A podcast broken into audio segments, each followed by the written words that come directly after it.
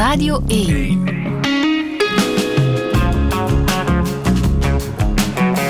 Douche.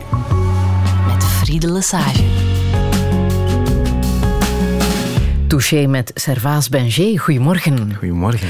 Dokter en auteur van al een hele reeks gezondheidsboeken. Je bent aan nummer zes. Uh, het recept is uh, net verschenen en afgelopen donderdag was het ook Wereldgezondheidsdag. Het leek mij de ideale touché om jou eens uit te nodigen hè, van deze, op deze zondag. Waarvoor dank. je hebt al heel veel mensen aan het vasten gekregen, zo word je ook genoemd. Hè? De man die zijn volk leerde vasten. Komt alle eer jou toe? Nee, nee, tuurlijk niet. Ik heb het ook maar opgepikt uh, vanuit de, de, wetenschappelijke literatuur. Een enig idee hoeveel mensen jij zelf al aan het vasten hebt gekregen? Oh, eigenlijk niet. Uh, uh, hoeveel, ja. Ik weet dat de, het boek 16.8 heeft heel goed verkocht. we hebben meer dan 20.000 exemplaren van verkocht. Ah, ja. dus, Je hebt ook wel behoorlijk wat volgers hè, op Instagram. Ja. Enig idee hoeveel daar? Uh, een goede 14.000. Uh, ja. Nu, ik, wat ik altijd leuk vind is als mensen mij een berichtje sturen en dan zeggen ze van hey, bedankt, je hebt mij, mijn leven veranderd. En dan vind ik het leuk om te zeggen van nee, eigenlijk heb ik het gewoon zelf gedaan. En ik heb u gewoon het setje gegeven dat je misschien nodig had. Uh, ja. En dat is, dat is iets wat, wat ik heel tof vind. Servaas, wij geven onze gasten altijd een ontbijtje. Ja. Dat heb jij ook gekregen. Dank u daarvoor. Wat ga je daar niet van opeten? Voorlopig eh, zit ik nog steeds in mijn vastenwindow natuurlijk. Hè. Ja. Dus wat ga ik is daar nog voor 12 uur bedoel je?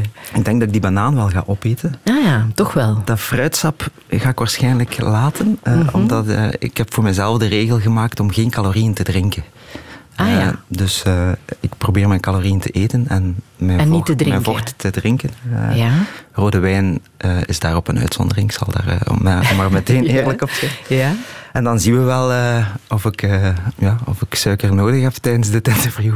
Ja, want er ligt nog een, een croissant bij, dacht ik. Ja, een croissant, een witte pistolet, een sandwich met kaas en een yoghurtje met Nutri-score B. Ja. ja. Dat is iets nieuws, hè?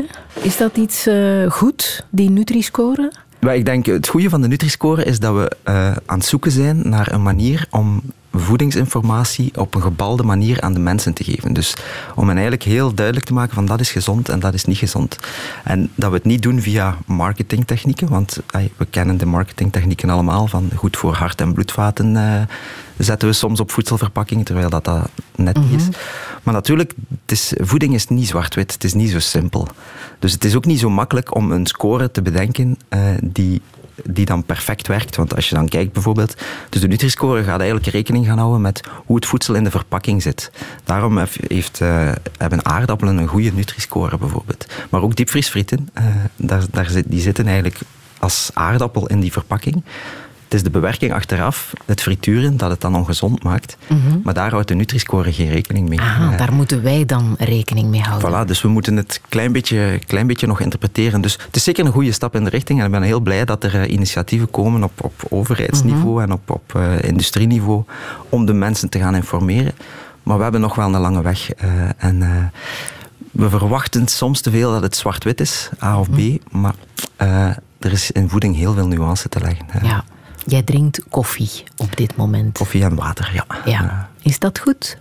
Uh, koffie is een uh, bron van uh, antioxidanten, polyfenolen. Dus een klein beetje koffie van tijd tot tijd kan zeker geen kwaad. En het, het, levert ook een klein beetje cafeïne, waardoor dat we een, een helderheid krijgen om op zondagochtend een leuk gesprek te voeren. Hoe zou jij jezelf omschrijven, Servaas? Ik zou mezelf omschrijven als een zoeker en een dromer. En hoe moeten we dat interpreteren? Een dromer omdat ik uh, heel makkelijk in mijn hoofd uh, naar uh, oorden ga waar een ideale wereld bestaat en waar mooie dingen kunnen gebeuren. In mijn hoofd is ook iets heel snel klaar en heel snel, heel snel af.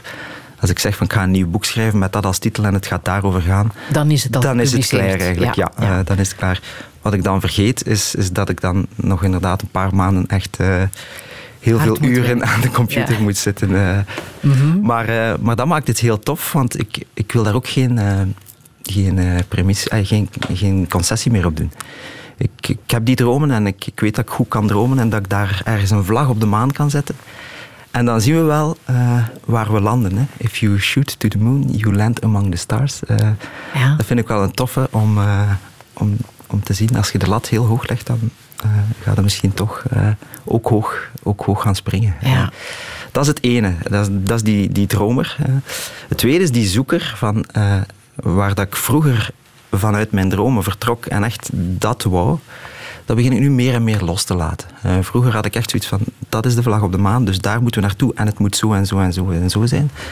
Het leven heeft mij geleerd dat die uitkomst niet meer uh, het belangrijkste is. Uh, want het gaat toch nooit gebeuren zoals dat je het in je hoofd hebt. En het gaat nooit hetzelfde zijn als, als dat je...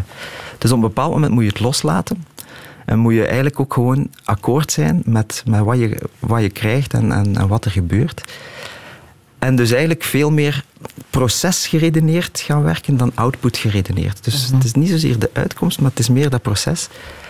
En daar is volgens mij de grootste levenskunst, die ik ook nog niet beheers, maar waar ik naar op zoek ben, is vooral genieten van dat proces en beseffen dat, dat elke dag dat stapje zetten het leven is. Ja. En, en dat niet vergeten, want anders zit je zodanig naar dat doel en naar die droom aan toewerken dat je onderweg vergeet rond te kijken. En dat is jammer. Je bent ook voorzitter van de Vlaamse Vereniging Gezondheidscoaches. Zit daar ook die zoeker in jou die echt wil weten of er niet te veel coaches zijn die zichzelf coach noemen. Wat je ziet, moet geregulariseerd worden. Het is, het is, enerzijds het landschap van gezondheid. Heel veel mensen mhm. willen het in handen, handen nemen, maar er, er, er, zijn eigenlijk nog niet de juiste tools op dit moment. Uh, en anderzijds is inderdaad, er zijn heel veel mensen gepassioneerd met gezondheid bezig, maar ik denk dat we daar een zekere regelgeving gaan, uh, gaan nodig hebben. Dus dat we een soort uniformiteit in hoe gaan we mensen helpen om, om gezond te zijn. Want uiteindelijk komt het daarop neer. En het is belangrijk, hè? Dat het, het is, kaf van het koren wordt gescheiden? Zeker en vast. Het is zeker belangrijk dat kaf van koren gescheiden wordt. Maar we mogen ook de kans niet missen uh, om de maatschappelijke beweging uh, uh, te ondersteunen. Ja. Want dat is, ik vergelijk dat heel vaak met, met een beetje de, muziek, de muziekgeschiedenis. Dus als je kijkt, we, kochten platen, we kochten cd's en op een bepaald moment kwam de mp3. En de muziekindustrie heeft in, de, in initieel hebben zij gezegd van ja, we gaan, we gaan daar niet bang van zijn en we gaan gewoon Napster stilleggen en we gaan dat heel repressief behandelen. Maar je ziet uiteindelijk die evolutie, als we dan kijken naar 10, 20 jaar, uiteindelijk is die mp3 daar gekomen en is dat businessmodel moeten veranderd worden. En ik denk dat dat in het verhaal van, van preventie en lifestyle geneeskunde algemeen en, en gezondheidscoaching algemeen een beetje hetzelfde is. Dus we kunnen als medische wereld zeggen van ja, maar ja, dat zijn, dat zijn geen opgeleide coaches en dit en dat. Maar de onderschat de kracht niet van, van een, een maatschappij. En, en disruptie komt altijd van, van een massa. En je voelt de, de, de, disruptie vanuit het maatschappelijk eh, vlak komen. En wij kunnen dan uren roepen van ja, maar dat zijn geen echte coaches en dit en dat. Maar ja, weet je, we rijden nu ook met een Uber rond en we rijden nu ook... Uh, we, we, downloaden ook onze muziek. Hè. Dus, uh, dus ik denk dat we dan beter proberen te kijken van ja, hoe kunnen we het geheel doen samenwerken en, en optimaliseren op die manier. En dan heb ik uh, inderdaad mijn stoute schoenen aangetrokken en uh, die vereniging uh, opgericht. Ja, altijd blij zijn met evolutie toch, hè? Dat Absoluut. is het. Servaas Benger, welkom in Touché.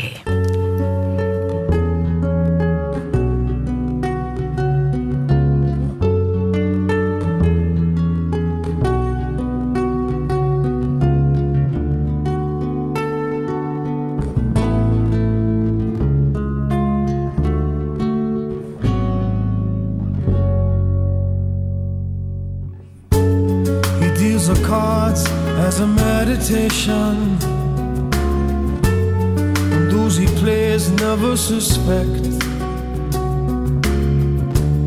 He doesn't play for the money he wins.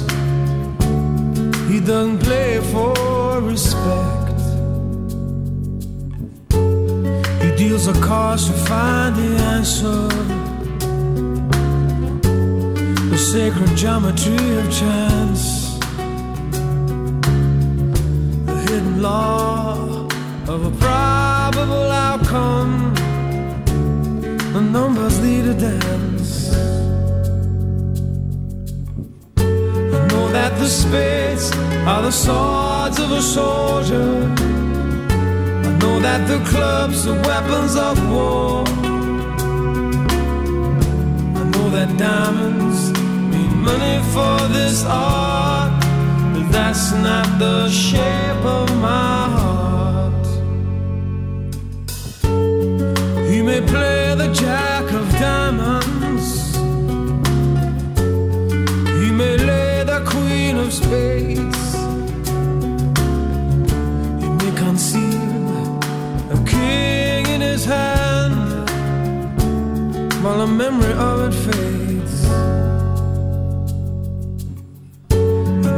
The spades are the swords of a soldier. I know that the clubs are weapons of war. I know that diamonds mean money for this art, but that's not the shape of my heart. That's not the shape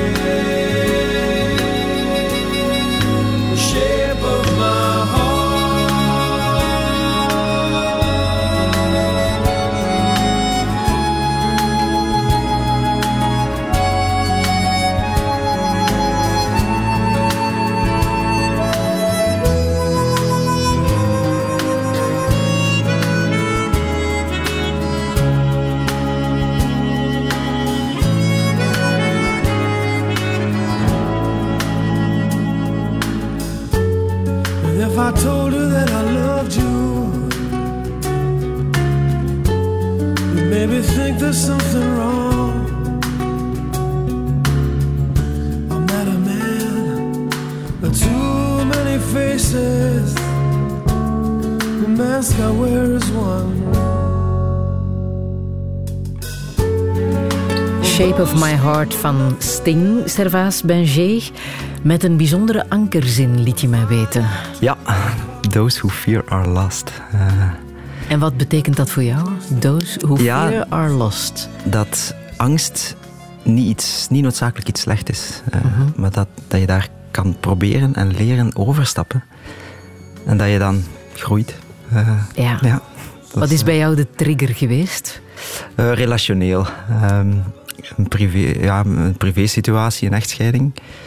Eh, eigenlijk op het, op het moment dat alles in mijn leven plots, ik dacht, instortte, maar eigenlijk was het uh, reculer pour mieux sauter, denk ik, eh, dat ik even nodig had. Ja. Was het toen dat je bent beginnen boeken schrijven?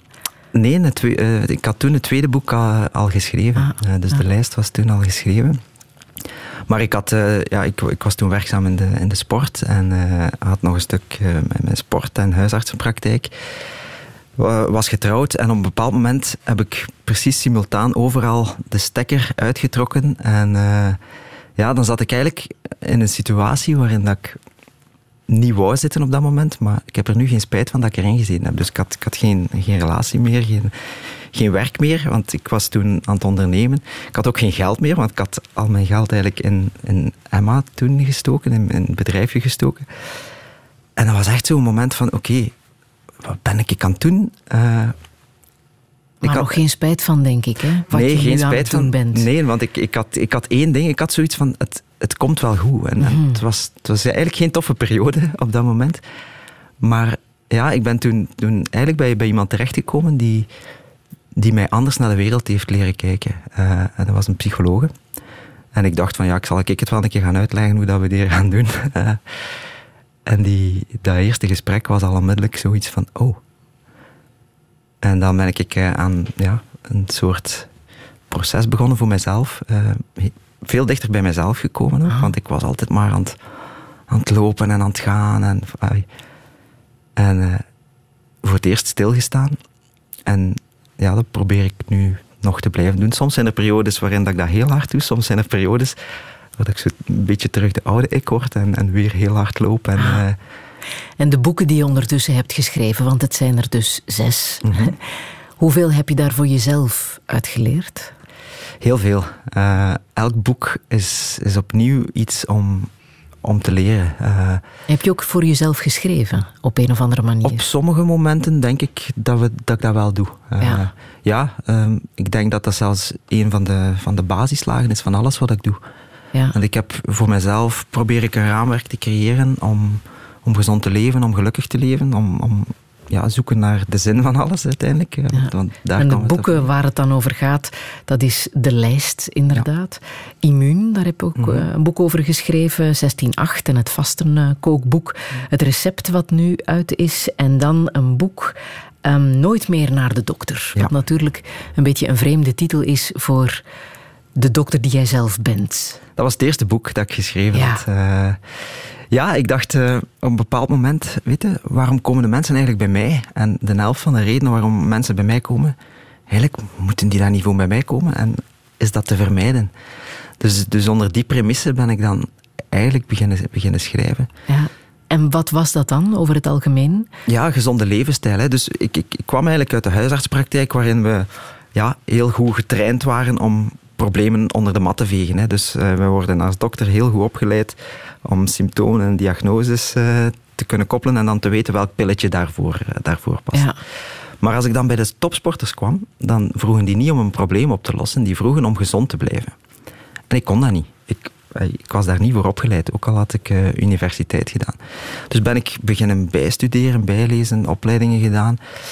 En zo is eigenlijk mijn passie ontstaan om met de tools die we zelf hebben, want, want gezondheid is voor, voor bijna de helft, wordt die bepaald door onze levensstijl, hè, door de voeding, door beweging, door goede slaap, door goede relaties, door eh, onze mentale balans. En eh, ja, zo is die passie daar echt voor, voor beginnen ontstaan. En dacht ik van, ja, ik wil dat delen met de wereld. Ehm, en dan ben ik, eh, ben ik eigenlijk beginnen schrijven. Eh, Ja. België is een zeer goed land om ziek te zijn, dat bevestig jij ook. Maar goede gezondheidszorg maakt natuurlijk nog geen goede gezondheid. Nee. Daar zit een groot probleem bij ons. Eh, Mark Noppe, die hier te gast was in Touché eh, eind vorig jaar, CEO van UZ Jette, ehm, had het hier over het aantal mensen dat in het ziekenhuis ligt en dus ook ziekenhuisbedden bezet houdt, wat eh, problematisch was tijdens eh, de coronaperiode. En over onze gezondheid zei hij dit. Maar wat we een beetje uit het oog verloren zijn, is weer de waarom-vraag. Van waarom hebben die mensen dat eigenlijk, die ziekte? Of waarom liggen ze hier? Dat is voor een heel groot deel, heeft dat te maken met hun gedrag. Hè? Wat ze een leven lang opgebouwd hebben aan ongezond gedrag tussen aanhalingstekens. Touché. Veel mensen komen in het ziekenhuis terecht wegens ongezond Ja. gedrag. Absoluut. Dat is wel confronterend, hè? Ja, er is een heel mooie studie gebeurd, eh, in, denk ik in 2016, die eigenlijk de, de procentuele bijdrage van eh, ziekte heeft, heeft uitgerekend. En dan zien we dat inderdaad onze gezondheid voor 20 à 30 procent genetisch bepaald is. Dus we hebben een zekere blauwdruk, een zekere code waar dat we niet kunnen aan ontsnappen. Dat er dan 15 procent sociale omstandigheden zijn. Dat er dan eigenlijk maar 10 procent is de gezondheidszorg. Dus eigenlijk het, al het geld dat we investeren in de gezondheidszorg gaat eigenlijk maar voor 10 procent gaan bijdragen aan onze gezondheid. Maar 40, 45 procent is onze levensstijl en zijn de gedragskeuzes dat we maken. Dus als we een gezondere wereld willen maken, dan moeten we vooral daarop focussen, denk ik. Ja. Een andere waarom-vraag die jij dan stelt is: waarom eten we?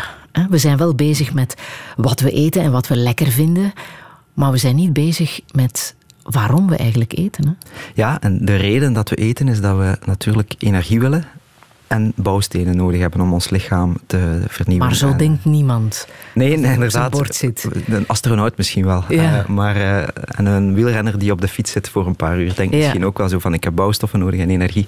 Maar inderdaad, eh, eten is, is, is iets heel cultureels. Kijk, ik kom hier en we, ik krijg samen ontbijt. Ja. Dus, dus ja, eten is, is iets geweldigs. is iets enorm verbindend. Als we feesten, gaan we ook altijd eten voorzien. Als, als, als er iemand eh, verdrietig is, gaan we die een bakje troost geven. Dus het zit in onze taal, het zit in onze cultuur. Dus eten is ook gewoon fantastisch leuk. Maar natuurlijk, we, we worden misschien een beetje misgeconditioneerd. Want wat gebeurt er? Eigenlijk zijn we allemaal hondjes van Pavlov ook. Dus wat gebeurt er als we klein zijn en we doen ons pijn of, we- of we zijn flink? Dan worden we beloond met een snoepje of een koekje. Dus van heel jongs af aan krijgen we die, die ongezonde dingen en worden die geassocieerd in, ons, in onze hersenen met het beloningssysteem. Eh, dus wat gebeurt er dan als we 20, 30, 40 zijn en we hebben een slechte dag gehad of we hebben stress of we hebben een woordenwisseling gehad met onze partner? En dan gaan we op een of andere manier onszelf toch weer willen belonen en dan gaan we eigenlijk comfort gaan zoeken uit voeding.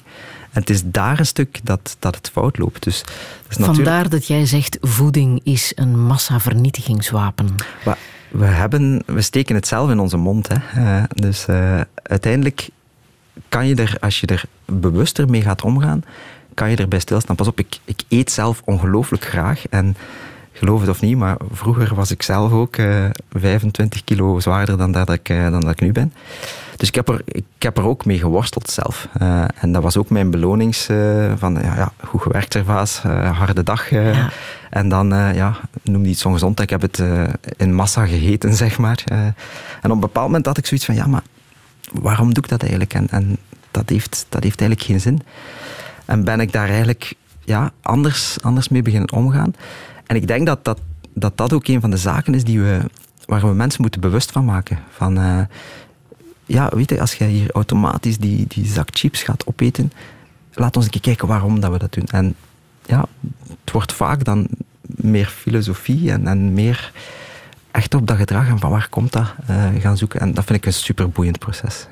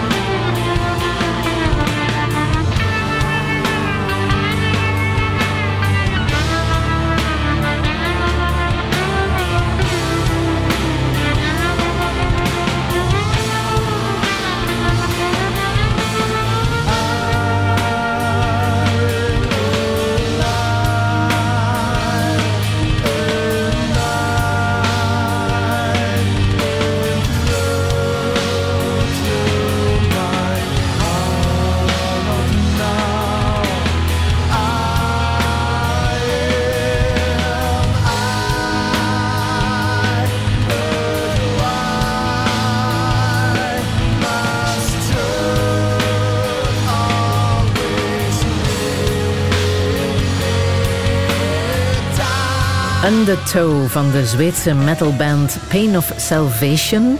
Servaas Benjé, je zei zo net, ik had nog wel iets stevigers gekund. Ja, ik, ik heb, uh, ben nog voorzichtig geweest. ja, ik, uh, ik heb een, een, een heel, een heel hoog, hoog metal verleden eigenlijk. Hè. Ik heb zelf nog in metalbands gespeeld. Uh, ik had ook zo van dat haar tot, tot hier. Dat, Ja, ik hou van die muziek. Uh, weet je, ik hou sowieso van, van alle soorten muziek. Maar, maar ja, die metalperiode, dat was zo... Ja, weet je, op die leeftijd, op 16, 17 jaar, dan zoek je naar een, stuk identiteit. En je vindt die niet bij jezelf, dus je moet tot een categorie gaan behoren. Plus ik was een gitaarfreak, uh, dus uh, snelle solo's en, en oefenen, gitaar spelen. En ja, die stevigheid en die, die bombast, die theatraliteit. daar voelde jij je thuis? Daar voelde ik mij heel hard in thuis, ja. Ah, ja. ja. Je komt ook uit een muzikale familie, hè? Ja, we hebben, als ik denk ik tien of elf was, hebben we voor de eerste keer Imagine van John Lennon op een of ander dorpsfeest gespeeld met mijn broer samen. En uh, sindsdien hebben we opgetreden elk jaar en uh, bandjes gevormd en van alles gedaan. En zat die muzikaliteit ook bij jouw ouders? Ja, mijn vader was, een, was een vioolspeler en was ook dirigent van het dorpskoor. Aha. Van het Sint-Pieterskoor uh, van Hans Beke. Dus uh, ja, we kregen het wel met de, met de paplepel mee. En, en dat was ook traditie om na de middag, na het middageten, moesten we allemaal een kwartiertje op ons instrument oefenen. Hè. Mm, ja. Dus dan zat ik in de zetel gitaar te spelen, mijn broer piano in een andere kamer.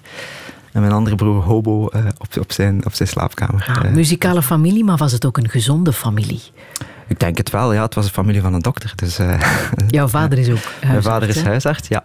Ja, wij waren uh, vier, uh, vier jonge, jonge knaken die heel veel lawaai en heel veel ambiance maakten, denk, denk ik. Dus ja, typische, typische huisartspraktijk die mijn vader in de jaren zeventig heeft opgestart. met een, een echtgenote die alles runde, die de telefoon deed, die dan nog een keer het huishouden runde, die dan vier kinderen heeft grootgebracht.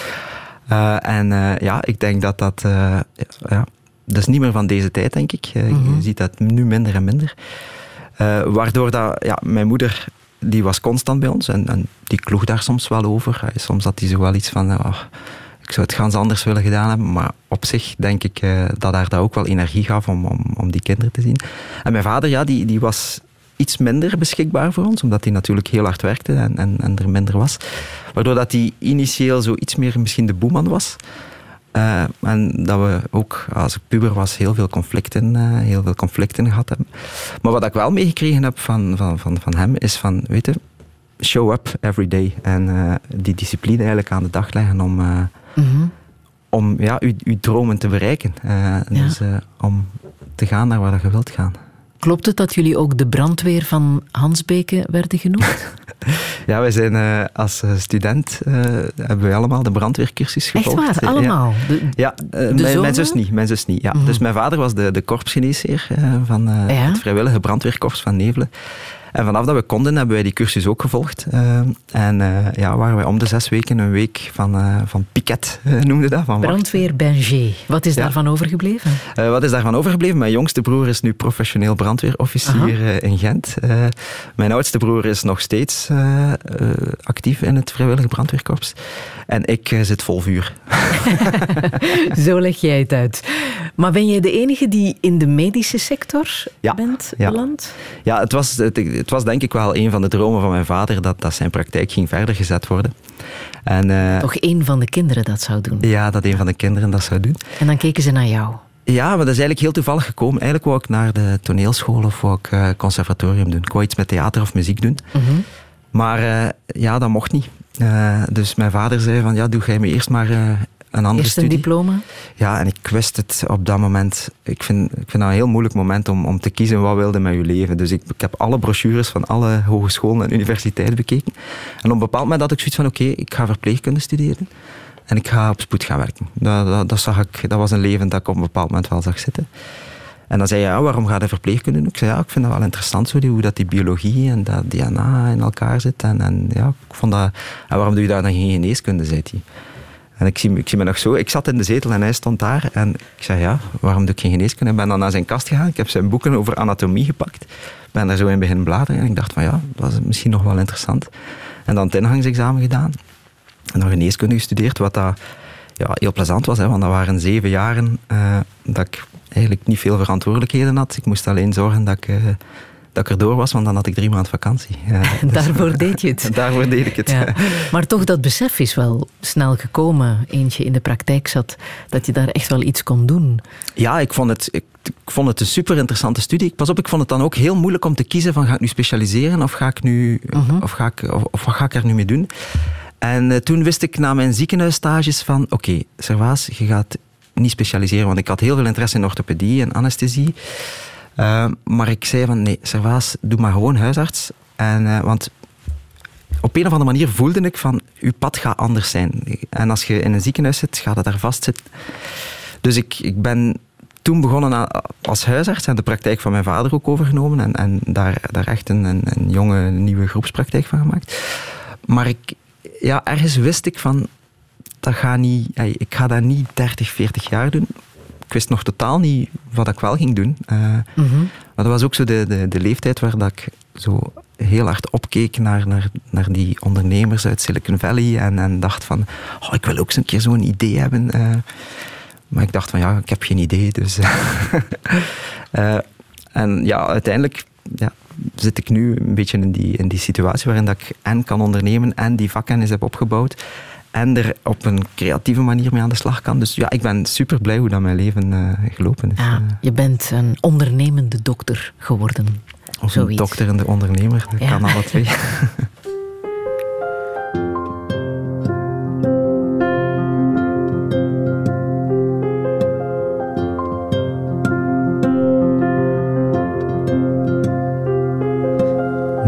ligt het ochtendgrijs op de velden in de straten, die van strijders met een missie memorabele helden maken. Nu nog zweeft de stilte over het Vlaamse heuvelland, zijn de tinten eerder donker en is de straatkant onbemand. Maar langzaam stuift de roes omhoog vanuit de voegen langs de mensen.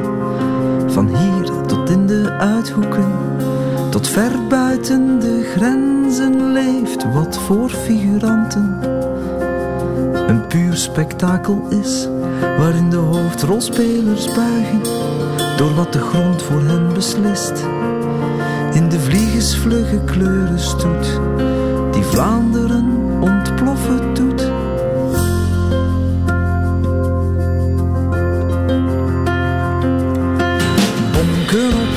Asfalt, met kasseien. Het gaat niet over hartelijkheid, het gaat over hard rijden. Ze krijgen mooie woorden, wilskracht, durf en moed. Maar niemand ziet het zweet en niemand proeft het bloed dat de achterhoede tekent. De straatkant wijst naar voren. Toch aan beginnen? Waarom ga ik hiermee door? Hier staat nu een decor dat er gisteren nog niet stond. Zo wordt een rustig landschap de linie van het front. Totdat er een naar voren schiet en Vlaanderen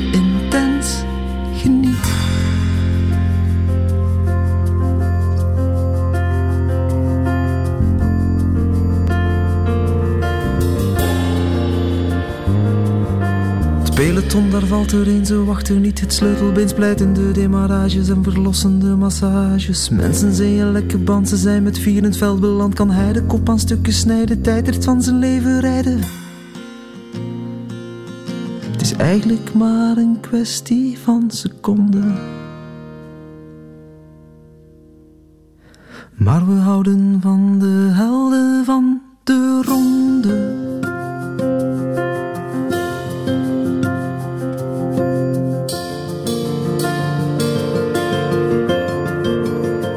Ronde van Servaas.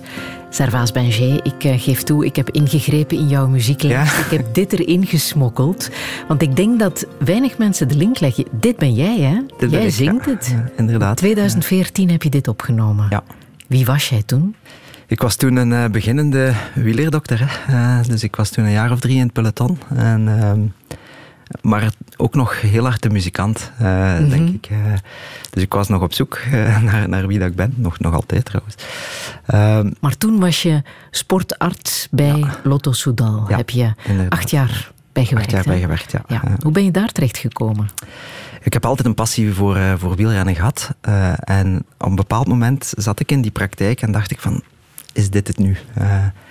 En dan ben ik andere uitdagingen gaan zoeken, sportgeneeskunde bijgestudeerd.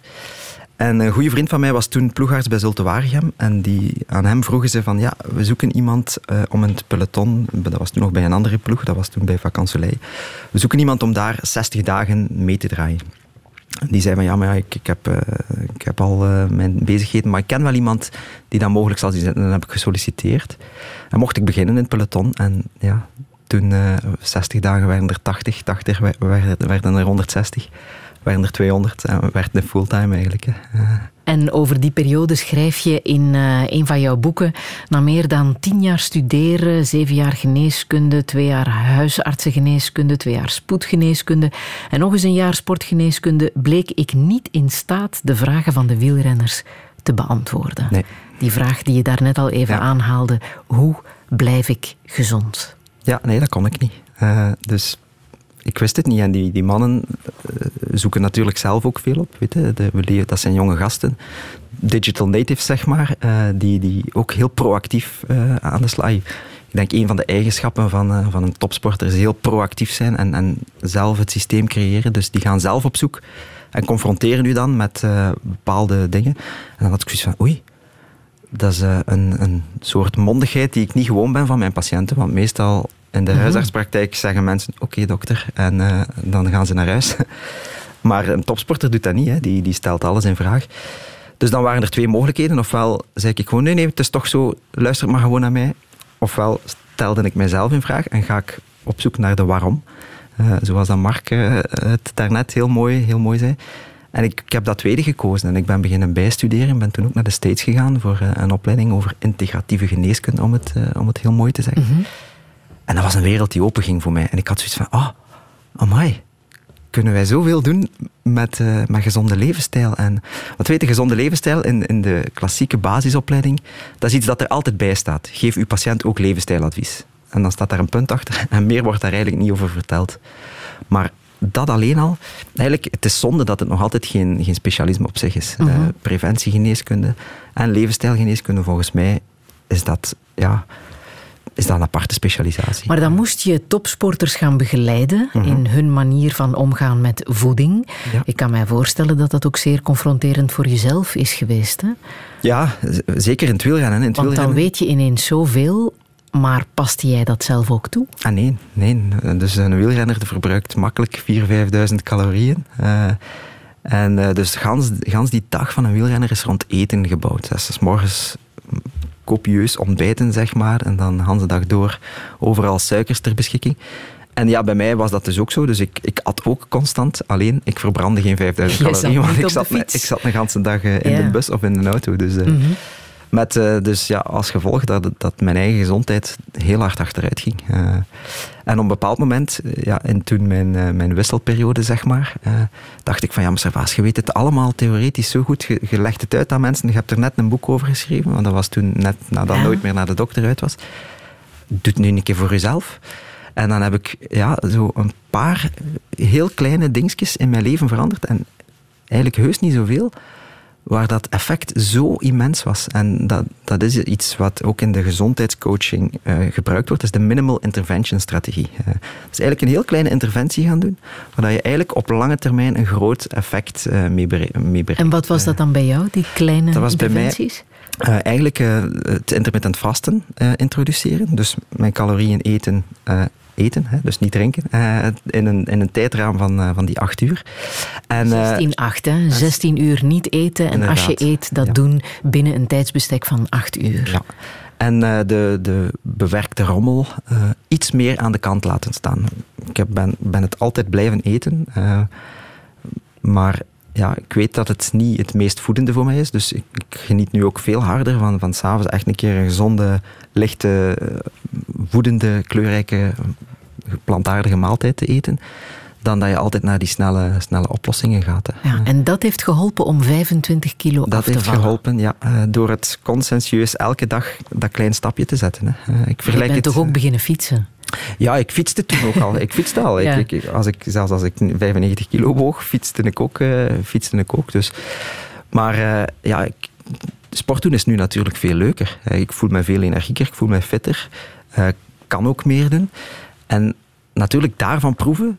en proeven van, weet je, ik kan mijn, mijn lichaam en mijn geest is optimaler om te doen wat ik wil doen en om mijn vlagje op de maan na te streven. Als je daarvan geproefd hebt, dan, dan creëer je niet alleen de externe motivatie, maar ook de interne motivatie om gezonder te gaan leven. Maar wat je zegt, hè, lichaam en geest. Ja. Het gaat niet alleen over je fysiek goed eh, voelen, maar ook mentaal. Hè? Op welke manier heeft voeding invloed op jouw mentale gezondheid? Goh, op veel, denk ik. Eh, op heel veel manieren. Eh, enerzijds, de, als, je, als je vuiligheid erin steekt, dan, dan komt er vuiligheid uit ook. Hè. Eh, dus ik denk dat een gezond voedingspatroon eh, de basis is, zowel voor de juiste bouwstoffen, maar er zijn zoveel linken tussen, tussen voeding en mentale aspecten. Als we alleen nog maar naar het darmmicrobioom bijvoorbeeld gaan kijken. Dus we hebben een ganse darmflora eh, die ons in stand houdt, zeg maar, en waar we mee, mee moeten samenleven. We weten dat bijvoorbeeld drie vierde van de serotonineproductie, dat die gebeurt door bepaalde bacteriën die in onze darm zitten. Als wij ons enkel maar met fastfood gaan, gaan volsteken, dan missen we die bacteriën. En missen we dus eigenlijk de bacteriën die in staat zijn om die neurotransmitter, die stof te gaan maken.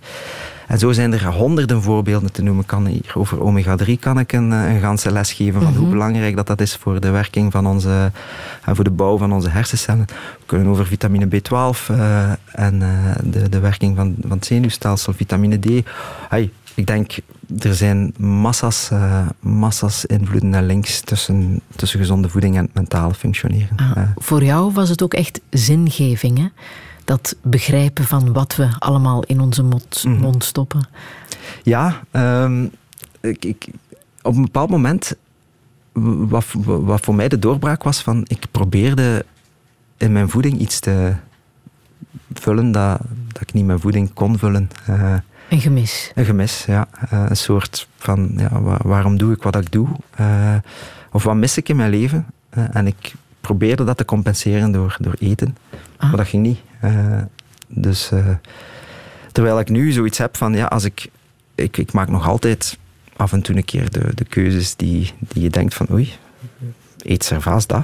Dus ik ben zeker niet heiliger dan de paus. Maar ik probeer het veel gebalanceerder te doen en, en het 80-20 principe eigenlijk na te leven. Dus als 80% van je keuzes gezond is, dan mag je 20% van de, van de tijd een keer iets, eh, iets Ja, doen wat er geeft ligt. moed. Ja. Ja, maar we leven, weten, we zijn mensen allemaal. Hè. Mhm. Ai, het is niemand perfect. Hè. Er is niemand die, die, die het kan. En ik zeg het, we zijn allemaal groot geworden met, met dat verband tussen voeding. Dus we zijn allemaal een stukje verkeerd geprogrammeerd. Ik heb, ik heb 37 jaar ongezond gegeten. Dus ik kan niet verwachten dat, dat, dat nu plots mijn systeem zo geprogrammeerd is dat ik alleen maar gezonde keuzes maak. Nee, ik ga daar blijven mee worstelen. En als ik een stressvolle dag gehad heb, dan heb ik nog altijd goesting om s'avonds een keer een lat chocola te eten. ja. Soms doe ik dat ook.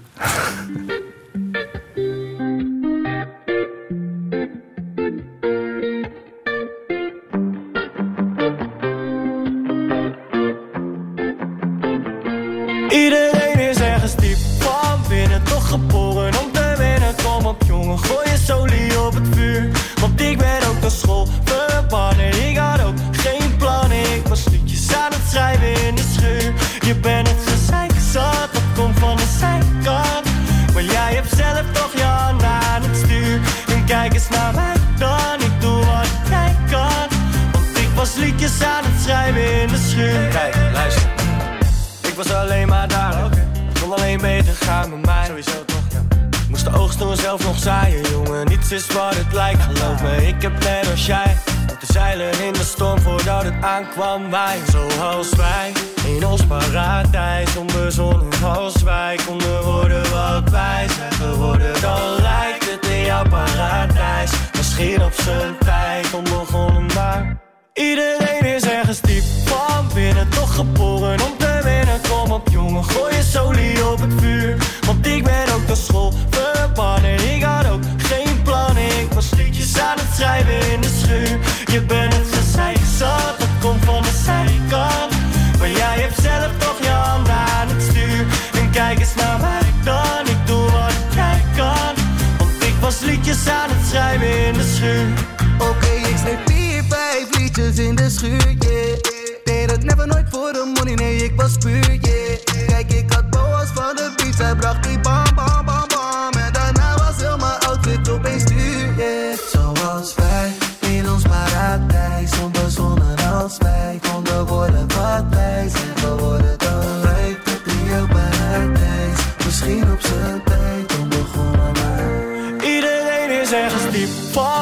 toch geboren om te winnen. Kom op jongen, gooi je solie op het vuur.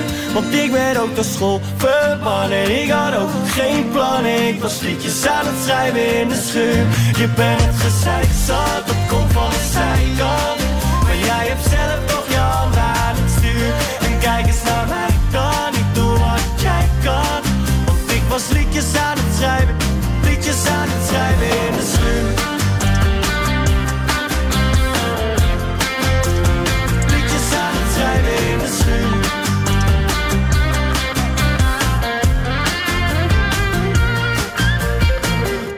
Snelle. Hij is wat de meest geliefde rapper van Nederland op dit moment.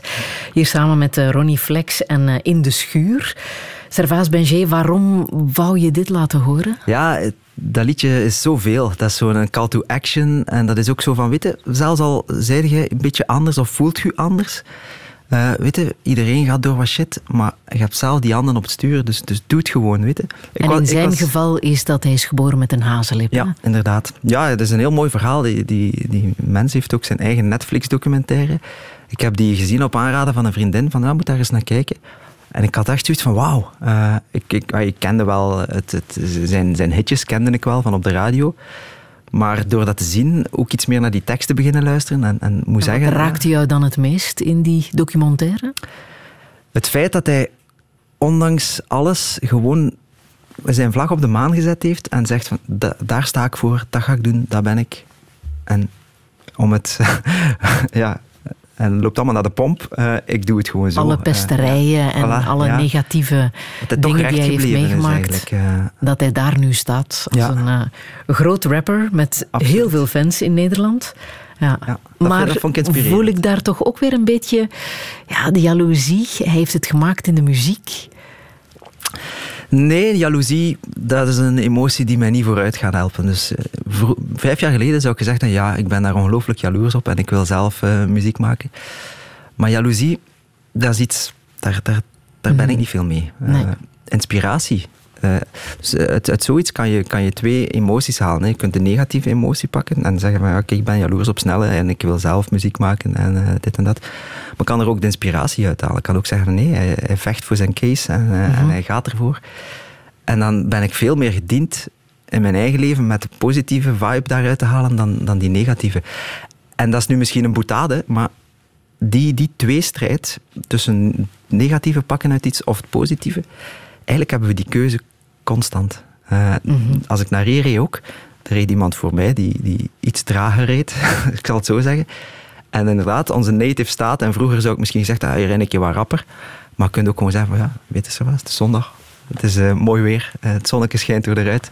En jij bent Wees blij dat iemand jou dwingt eens een beetje trager te rijden. door Brussel aan het cruisen. Geniet Ja. een keer van het uitzicht. Mhm. En ik heb dat gedaan.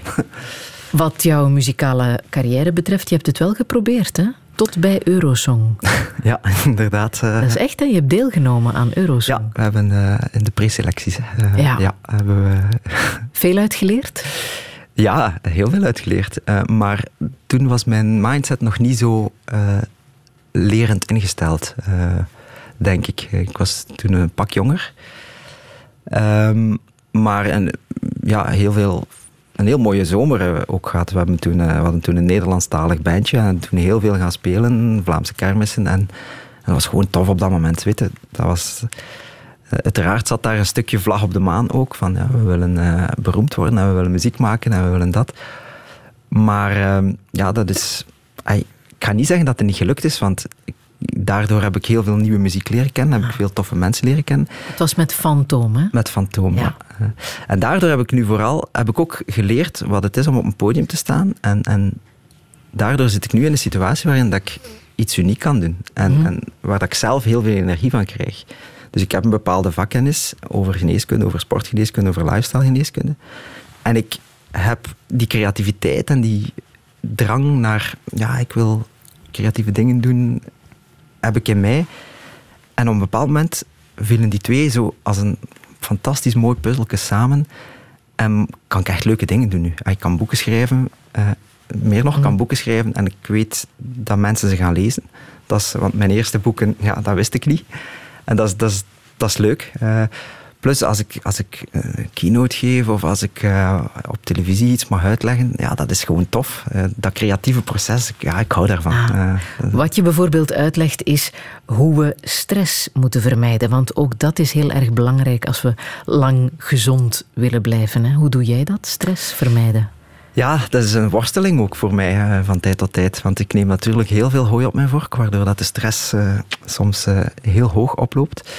Hoe doe ik het? Ik uh, mediteer actief. Uh, ik, uh, en hoe doe je dat? Dat ja, mediteren? Echt gewoon stilte opzoeken, zitten of liggen. en tot rust komen, focussen op de ademhaling om in dat moment te komen, mijn lichaam loslaten en vooral proberen om de gedachten niet, niet erop in te gaan. Dus, dus echt die golven, die hersengolven in die rustige alfa-staat te brengen. En dan uh, op basis daarvan eigenlijk op zoek gaan, wat voel ik nu precies? Uh, en, en voel ik nu verdriet, of voel ik nu uh, angst, of voel ik nu... En, en, en wat betekent dat? Dus het is ook een soort nadenkproces op dat moment. Het is, het is, ay, het is niet nadenken van ik moet de vuilzakken buiten zetten, maar het is ja, tot, tot jezelf komen en, en inkeren eigenlijk. Je de vraag stellen, wie wil ik zijn? Wie is ja. Servaas Benjé? Ja, en, en ik geloof heel hard dat je in zo, als je dan in die, die contemplatieve staat bent van, van die meditatie, waarin dat je inderdaad controle hebt over je geest, dan kun je gaan, dan kun je gaan herprogrammeren. Uh, ons brein werkt op een bepaalde manier, dat is de, neuroplasticiteit. Als je kijkt uh, naar mensen die zware ongevallen gehad hebben, of zelfs in coma, die, kunnen, die leren opnieuw stappen, die, die, ja, die, die kunnen soms wonderbaarlijke dingen doen.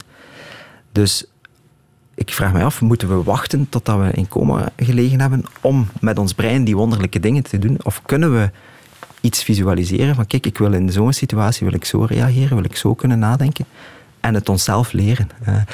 En daar lukt dat voor mij wel in meditatieve processen. Dus als je die meditatie doet en dan gaat gaan projecteren van kijk, die wil ik zijn, dat dan echt gaan oefenen, gaan visualiseren en echt gaan kijken van kijk, als je 45 bent, uh, waar zit je zelf? En hoe zou jij in die situatie dat er iemand op het werk iets vraagt en, en geprikkeld is of dit of dat, hoe zou je daar dan op reageren? En dan probeer ik het echt te beleven, het echt gewoon ook te voelen van alsof dat lijfelijk aanwezig is.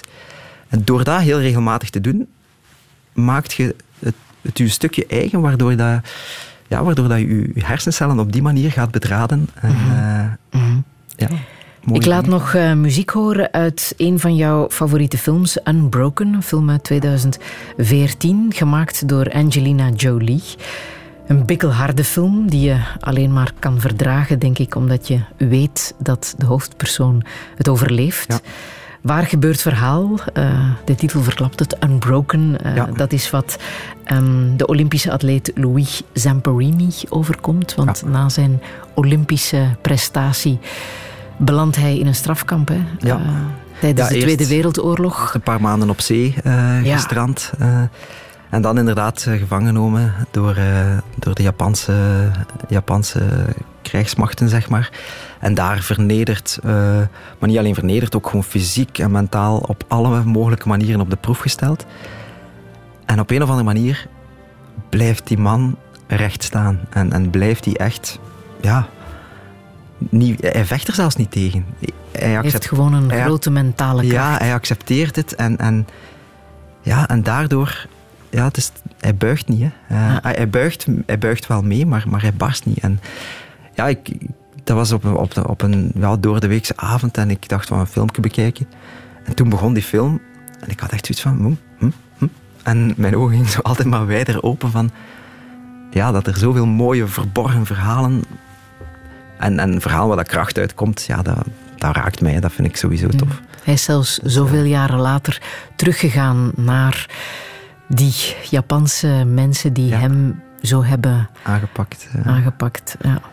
ja, dat is, eh, dat, is, dat is nog een teken van, van meer kracht. Ja, dat je zegt van kijk, wat dat je met mij gedaan hebt, bedankt. Mhm. En, en dat is iets, ik probeer dat in mijn leven ook af en toe te doen. Van als mensen mij pijn gedaan hebben, ook in, al is in relaties of zo bijvoorbeeld, van niet te zeggen van je hebt mijn leven kapot gemaakt, dit of dat, maar eigenlijk gewoon te zeggen van kijk, bedankt, want door u heb ik heel veel kunnen groeien, heel veel kunnen leren, waardoor dat misschien de toekomst anders zal zijn. Eh, en ik iemand anders kan... eh, En op die vreselijke filmset, tenminste de beelden die daar werden gecreëerd, stond Angelina Jolie ja, als regisseur. Ja, inderdaad. Het was haar regiedebuut, denk ik zelfs. Eh, Ja, en Angelina Jolie is, is voor mij ook nog een, een speciale vrouw, omdat zij iemand van de eerste sterren was die na het doen van een DNA-analyse eh, de keuze gemaakt heeft of, om preventief haar borsten te amputeren. Eh, DNA. Ik eh, heb zo'n licht vermoeden dat we het daar straks ook nog zullen over hebben. Zometeen praat ik verder met jou, Servaas Benjé. Radio 1.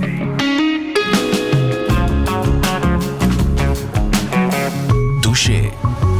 Met Friede Lesage. Touché met Servaas Benjé, de man die zijn volk leerde vasten. Na vele jaren studeren voor huisarts en spoedarts wist hij wel dat wat ziek zijn was, maar niet hoe je gezond kon blijven. Dus studeerde hij nog wat bij en gooide hij zijn eigen leven radicaal om. Hij verbeterde zijn levensstijl, gooide alle stressfactoren buiten en verloor 25 kilo. Maar hoe moet het verder? Bepaalt ons voedingspatroon ook ons geluk? Is preventieve geneeskunde de toekomst? En wat als hij als gezondheidsarts overbodig wordt? Dit is Touché met Servaas Benjé. Een goede middag.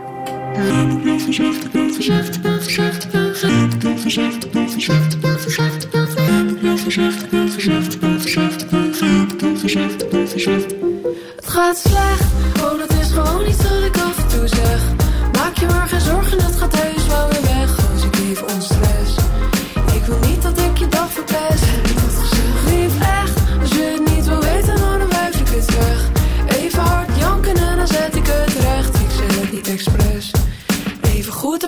niet gezegd.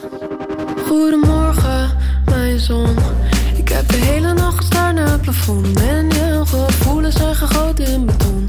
Ik wou dat ik zo was, ik wou dat ik dat kon.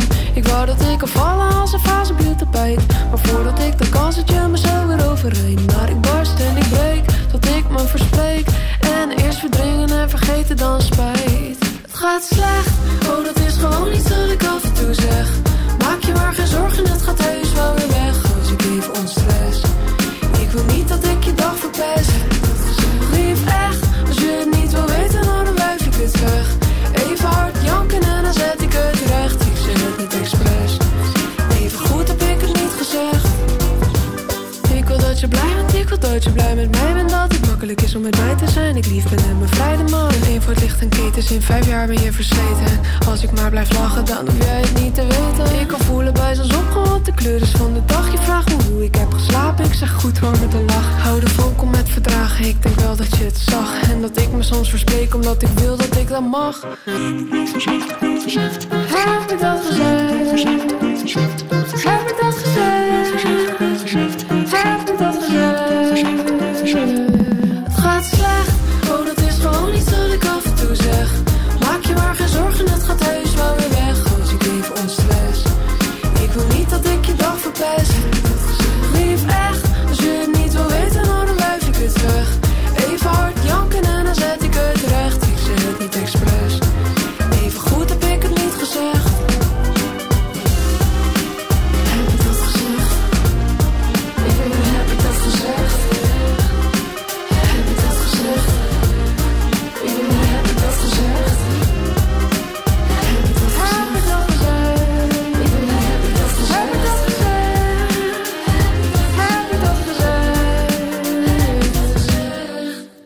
Aanstekelijk nummer van Vrouwtje. Heb ik dat gezegd, Servaas Benjé? Ja, ik word heb daar je met. Vrouwke? Ik heb daar niks mee, maar eh, met, dit- met dit liedje, ja, dat, dat maakt mij vrolijk. Eh, Ja. Terwijl dat, als je naar de tekst luistert... Is het niet zo vrolijk? Nee, hè, het is, eh, het is, eigenlijk, ze, ze, voelt zich, ze voelt zich slecht. Mhm. Maar het leuke is dat ze, dat ze zegt van, kijk, ik voel me slecht, maar het is oké, ze. Dat is gewoon wie dat ik ben. En dat is eh, heel herkenbaar, denk ik, eh, waarschijnlijk voor, voor, voor veel mensen. Dat eigenlijk zo die, die native state of mind, eigenlijk gewoon tegen onszelf continu zeggen dat het slecht gaat en dat we ons slecht voelen.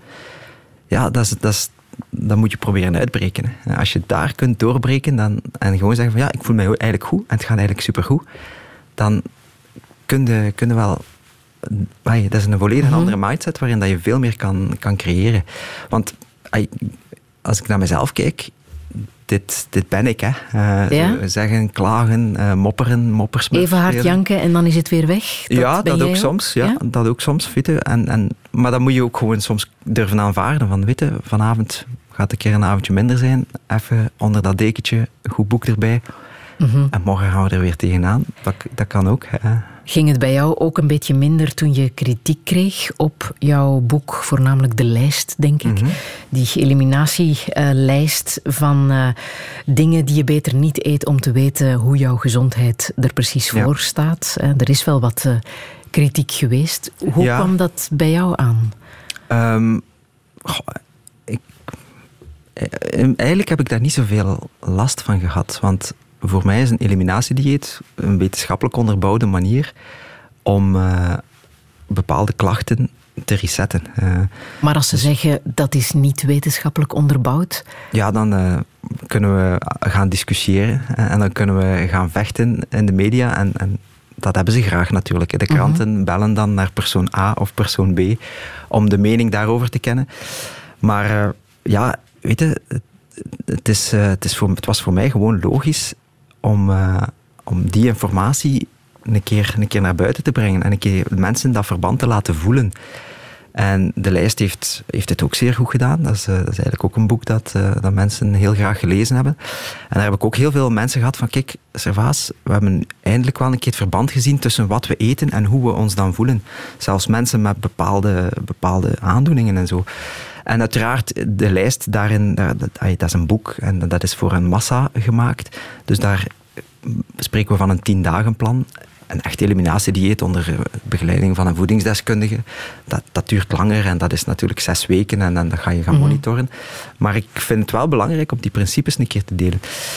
Mm, en dan, ja, kritiek. Weet je, media werkt heel vaak zo polariserend. Hè. Dus eh, ik vind dat een beetje jammer. eh, want eh, als er zo een nieuw dieet of een nieuw supplement of, of iets uitkomt, gaan ze heel snel gaan vragen van ja, en wat is uw mening daarover, wat is uw mening daarover? En dan geven ze mening A versus mening B, terwijl dat de waarheid eigenlijk midden ligt. En trouwens, dan, als ik dan mijn eh, betoog of pleidooi volledig mag maken naar wetenschappelijk bewezen. Wanneer is iets wetenschappelijk bewezen? In, voor, voor een nieuw medicament is het heel gemakkelijk. Hè. Dan maken we een RCT-studie en dan pakken we eigenlijk twee groepen. Groep 1 krijgt medicament A, groep Mhm. 2 krijgt de placebo en we vergelijken het met elkaar. Mhm. Eh, In voeding en in lifestyle is dat veel moeilijker. Want er zijn zoveel verstorende factoren. Eh, niet verstorend, negatief bedoeld, maar andere factoren die ermee meespelen. Eh, hoeveel lichaamsbeweging doe je, hoeveel slaap doe je. Eh, dus je kunt veel minder makkelijk die gestandaardiseerde studies gaan opzetten. Eén, het is al veel moeilijker. En twee, de budgetten zijn er ook niet voor. Eh, Er is geen enkele appelboer die een studie gaat opzetten om te bewijzen dat het eten van een appel a day, de dokter, dat dat gezond is. Dus ja, we moeten ook zien dat we niet met twee maten en twee gewichten aan wetenschap doen. Maar als je gewoon je gezond verstand gebruikt en even terug naar de basismechanismen gaat en je ziet van, kijk, ja, inderdaad, als ik eh, die verzadigde vetten ineet en ik zie dan inderdaad dat mijn ontstekingswaarden na het eten van een biefstuk de eerste zes uur gestegen zijn, eh, dan zou het misschien wel zinvol kunnen zijn om te zeggen van, ja, die rode vlees, dat rood vlees, ik ga dat niet elke dag eten. Eh, ja, weet je, is dat wetenschappelijk bewezen? Ja, nee, dan moeten we 2000 of 20.000 mensen pakken en ze allemaal een biefstuk geven en dan gaan meten. Hey, soms moeten we ook een keer ons gezond verstand gebruiken, denk ik. eh, als Geldt dat ook voor intermittent fasten? Die periodieke vastenperiode waar jij een grote voorstander Ja. van Eh, bent. Hè? ja. Periodiek, dan bedoel ik op een dag. Eh, niet Ja. de 40, va- 40 vastendagen waar sommige mensen misschien nu wel aan doen. Hè? De ramadan is ook terug begonnen. Voilà. Maar ook daar Maar is dat is nog een ander soort vasten. Ja, eigenlijk is het vergelijkbaar. Eh, Eigenlijk is het gewoon een periode geven aan je lichaam om tot rust te komen, waardoor dat je een aantal gezondheidseffecten hebt. De cholesterollevels gaan, eh, gaan, gaan switchen, je insulinepeil gaat dalen, wat dat eigenlijk je lichaam in veel minder ontsteking brengt. Je darmen komen tot rust en dat microbioom kan gaan floreren. Dus het hebben van bepaalde periodes waarin dat we niet eten, is, is goed. Het geeft bepaalde hormonale prikkels. Ook op lange termijn zien we er gezondheidsvoordelen van. Alleen, natuurlijk, we zijn hondjes van Pavlov, we zijn die gewoontedieren die inderdaad vanaf de jaren zeventig uh, in de richtlijnen te horen gekregen hebben dat we drie keer per dag moeten eten en dan nog drie keer per dag daar moeten uh, uh, tussen snacken en dat het ontbijt de belangrijkste maaltijd van de dag is. Dus we denken dat het, dat het zo hoort, maar de cijfers van, van de studies, en er gebeurt nu massaal veel wetenschappelijk onderzoek over, over dat intermittent fasten, omdat zoveel mensen het doen. En we zien inderdaad dat, ja, dat het echt gezondheidsproblemen kan vertragen en, en misschien zelfs stoppen en misschien zelfs omkeren. eh. En wat is volgens jou dan de oorzaak van dat misvormd eetpatroon dat sinds de jaren zeventig ons ja, leven overheerst? Dat, is, dat, heeft een stuk te maken met, uh, met hoe de industrie uh, op een bepaald moment die richtlijnen aan ons heeft opgedrongen. Hè. Dus in de jaren 50 heeft een Amerikaanse president een hartinfarct gehad toen is het eigenlijk begonnen. Hè. Dat was president Eisenhower. Die, een en, ja, die had een hartinfarct. En de wetenschap op zijn achterste poten. Ja, dat is omdat we veel te veel verzadigde vetten eten. Dus wat is er toen gebeurd? De voedingsindustrie heeft gezegd... Oei, uh, geen verzadigde vetten meer. Die light-beweging is gekomen. Maar om iets dat light is, lekker te houden... Ja, moest men er iets anders in steken. Dus heeft men het volgestoken met suiker. Uh, dus het was dan wel light en minder verzadigde vetten. Maar het was zeker niet, zeker niet gezonder. En zo is, de, is dat eigenlijk een ganse geschiedenis op zich geweest van voedingsrichtlijnen van klavertjes 4 tot schijven van 5 tot uh, weet ik veel welke meetkundige figuur dat we, dat we nog gaan, gaan hebben. Uh, waarbij, dat, uh, waarbij dat ook heel belangrijk is van te weten van jongens, het gaat niet om één richtlijn. Het gaat om bij voeding, ja, moeten we, moeten we ook als ik een actieve dag heb waarin dat ik uh, een wandeling ga maken van twee uur en een half, moet, moet ik anders eten dan als ik een dag heb dat ik uh, achter mijn bureau zit acht uur. Uh, ah. Dus we moeten die nuance daar, daar, daar veel meer in krijgen. Vroeger waren we daar beter in. Ja, omdat we veel dichter bij onszelf bleven. Een kind is daar ook veel beter in. Als een kind zegt, ik heb geen honger, of ik heb geen zin om te eten nu, dan wil dat eigenlijk zeggen dat dat kind nog niet geprogrammeerd is om om twaalf uur middags lunch te eten. Wat dat niet wil zeggen natuurlijk dat je dan zomaar daar moet aan toegeven en het om twee uur een koek of een snoep geven of, mm-hmm. of iets ongezond. Maar durf een keer, als uw kind zegt van ik heb nu geen zin om te eten, durf, durf dat uitstellen. En als uw kind honger heeft, zal het, zal het wel vragen. Uh, mm-hmm. uh, Vasten zie jij ook niet als een dieet. Hè? Nee. Noem het vooral geen dieet. Het is gewoon een ander leefpatroon. Een gezonder leefpatroon. Ja, gewoontevorming is zo belangrijk. Uh, ik had het daarnet al even, even kort over die minimale interventiestrategie. En, en iets slaagt als je, als je er een gewoonte van kan maken. Dus zelfs van positief denken tot vasten, tot gezond eten, tot gaan sporten. Dat, dat, we leggen heel vaak de lat van in het begin super hoog, terwijl dat het soms heel eenvoudig is. Uh, om, om bijvoorbeeld met vasten te beginnen, kan je zeggen van kijk, ik sla het ontbijt over en ik eet in plaats van om 8 uur s morgens om 10 uur. Uh, dat je het eigenlijk maar al twee uurtjes uitstelt. Het gezondheidsvoordeel, het gezondheidseffect daarvan kan eigenlijk al, uh, kan eigenlijk al heel groot zijn. Of, en dat heb ik gedaan, ik, ik heb gezegd op een bepaald moment, ik stop met het eten na 7 uur s'avonds. En daarna niks meer. En daarna niks meer. En dat is ook niet nodig, want ik ga dan om 10, 11, 12 uur gaan slapen. Die energie heb ik, niet, heb ik dan toch niet meer nodig. En door dat elke dag opnieuw te doen. Ik, ik vergelijk het in mijn keynotes altijd met het kasteel van Ferdinand Cheval. Ken je dat? Mm-hmm, ja, ja. Dus, uh, dat is dat kasteel mm-hmm. in Frankrijk van die postbode die op een bepaalde dag een steen vond. En die heeft die steen meegenomen. En heeft dat 30 jaar lang heeft hij één of twee steentjes per dag meegenomen. En nu heeft hij een fantastisch mooi kasteel staan. En dat is volgens mij hoe dat we in gedragsverandering ook moeten werken. We moeten niet proberen om onmiddellijk een kasteel te bouwen. We moeten elke dag een steentje zoeken en zeggen van kijk, dit wil ik, uh, gewoon, daar wil ik een gewoonte van maken. En dat kan, hè, want we, we kunnen nieuwe gewoontes vormen. Het duurt wel even natuurlijk, zeker als het gewoontes zijn die heel hard ingesleten zijn. Maar in principe na, na twee, drie weken begint de, de al en kunnen we dus mm-hmm. eigenlijk op die nieuwe gewoontes gaan inzetten. Mensen die twijfelen, stappen toch beter naar een dokter, laten zich beter Sowieso. Ja, als je begeleiden. bepaalde medicatie pakt en zo, eh, denk ik dat het heel belangrijk is om, eh, om het onder begeleiding te doen. Als je, Want het kan ook gevaarlijk zijn. Hè? Als je te veel aan vasten doet, Ja. kan het ook gebeuren dat eh, er geen vetten meer zijn en dat de spieren worden aangesproken. Dat je Ja, lichaam wel. gaat cannibaliseren, om het met een je- gevaarlijke term te zeggen. Dat ga je bij een 16-8 patroon niet zo snel zien. Eh, vandaar dat ik, eh, ik probeer ook altijd als ik iets maak voor de massa, probeer ik daar wel die nuance en die veiligheids, veiligheid in te leggen. Ehm, maar eh, ja, je hebt dan natuurlijk altijd mensen die extremer gaan. Eh, en dan wordt het ofwel onverantwoord of gevaarlijk. Of die dan zeggen van ja, en we gaan nu ook eh 48 uur niks meer drinken. Ik zoiets van jongens, we zijn 60% water. Drinken moeten we altijd doen. We hebben, we hebben vocht nodig. Dus ja, je moet ook niet de uiterste gaan opzoeken. Maar, en 16-8 is een veilige vorm. Eh, Eigenlijk 14-8 voor vrouwen. Soms, eh, voor vrouwen kunnen we wel wat milder zijn. Ondertussen zijn we ook meer en meer aan het leren van dat vasten. En, en denk ik dat we ook de shift maken van, naar vrouwen toe, van iets kortere, dat die iets kortere windows nodig hebben. Vrouwen hebben het enorme voordeel dat die hormonaal veel complexer zijn dan mannen. Hè. Eh, Is dat een voordeel? dat is een voordeel voor de menopauze, eh, omdat die daar een enorme bescherming eh, door moeder natuur eh, voor krijgen. Want ja, ze hebben een belangrijke taak hè, in de voortplanting. Mhm. Moet de man niet veel doen. Hè. De maar man- voor de menopauze en Ja. daarna? En daarna valt die bescherming wel weg en worden de gezondheidsrisico's dezelfde als voor, eh, als voor mannen. En eh, ja, dat is eh, vaak een harde noot om, om te kraken, omdat bij, bij een man gebeurt dat geleidelijk. En wij, wij voelen dat veel geleidelijker, dat, dat we minder tegen een nachtje stappen kunnen of dat, we, dat, we, dat ons lichaam ouder wordt. Maar bij een vrouw gebeurt dat op één of twee jaar, poef. En ik, ja, ik ben geen vrouw, dus ik kan het mijzelf niet voorstellen. Ik denk dat daar ook veel te weinig rekening mee gehouden wordt in de manier waarop dat we eigenlijk vrouwen en mannen anders zouden moeten begeleiden. Eh, Een boek dwingt zich op. ja.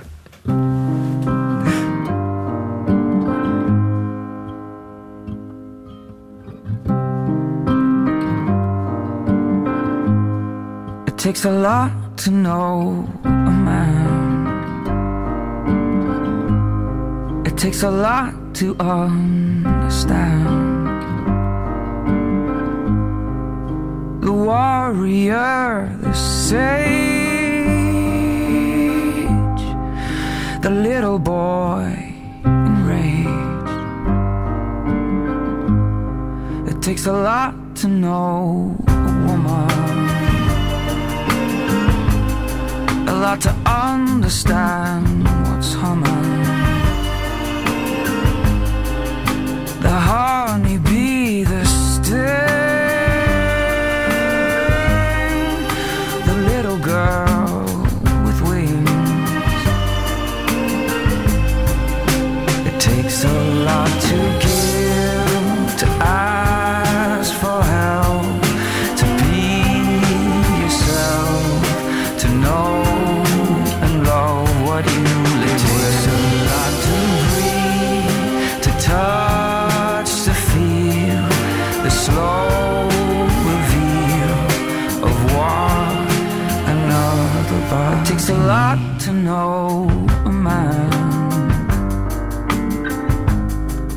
lot to know to understand. The Father and the Son, the hunter and the gun. It takes a lot to know a woman, a lot to comprehend what's coming. The mother and the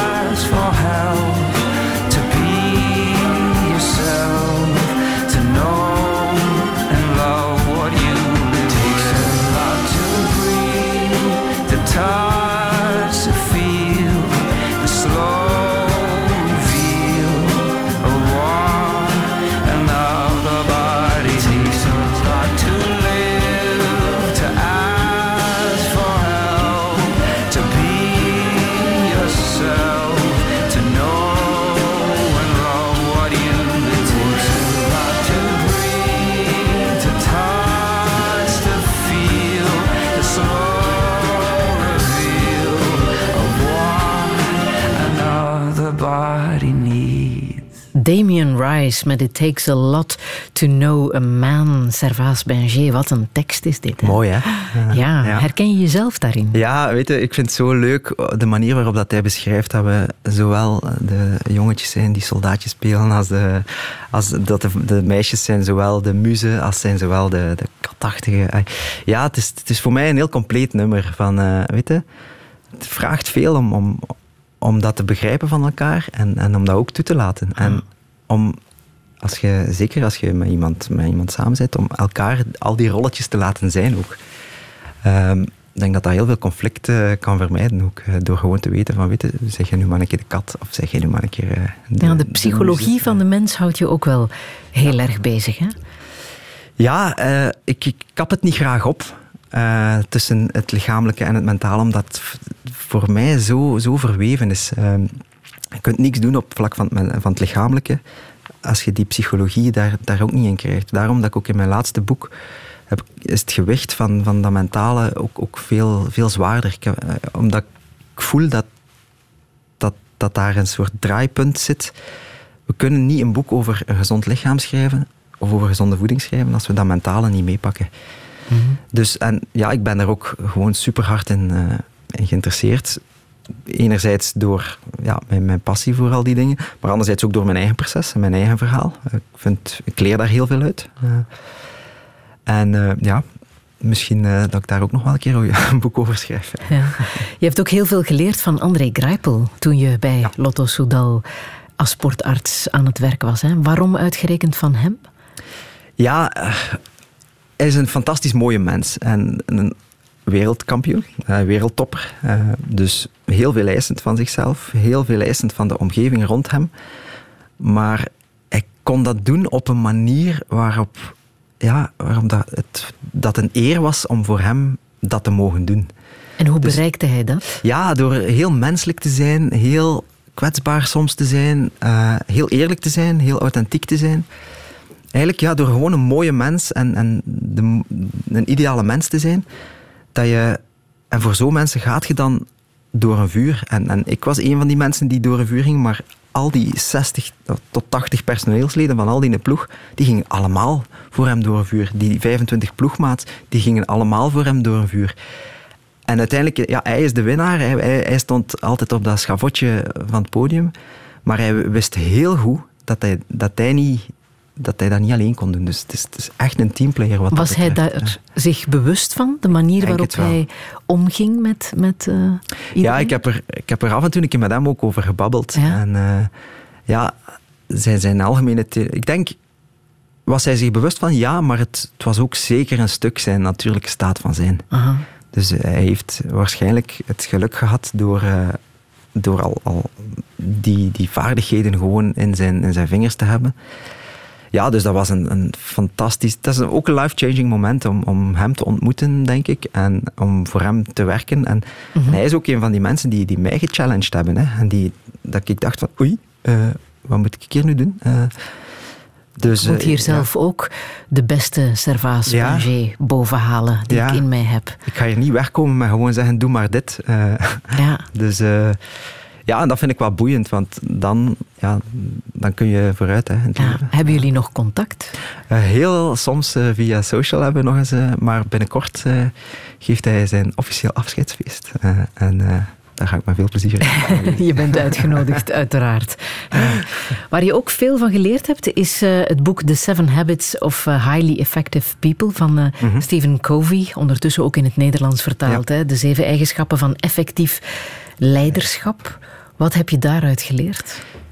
Ja, ik heb, daar de, ik heb dat de eerste keer gelezen als ik net afgestudeerd was. Het is een bestseller, hè? Het is, het wereldwijd. is een bestseller, ja. En ik, ik heb het denk ik om de twee jaar of om de drie jaar een keer herlezen.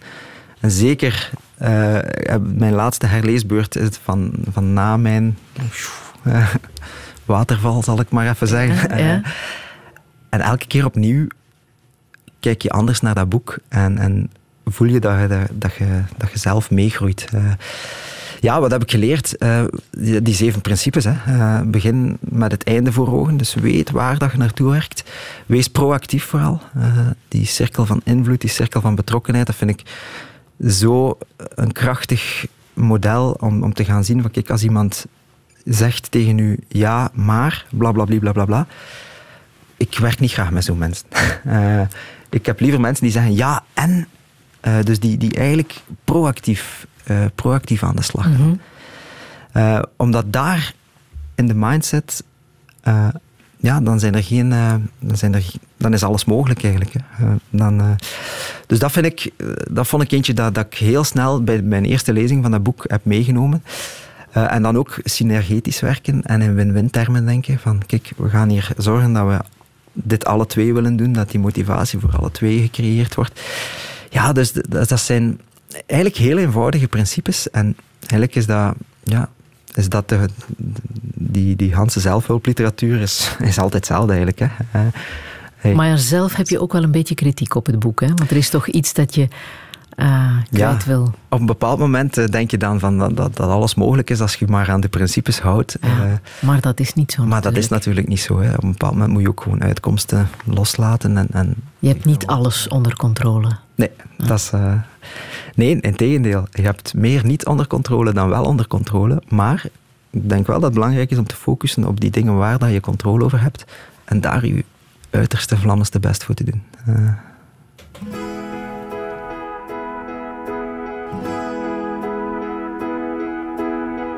I don't know what it is, but you gotta do it.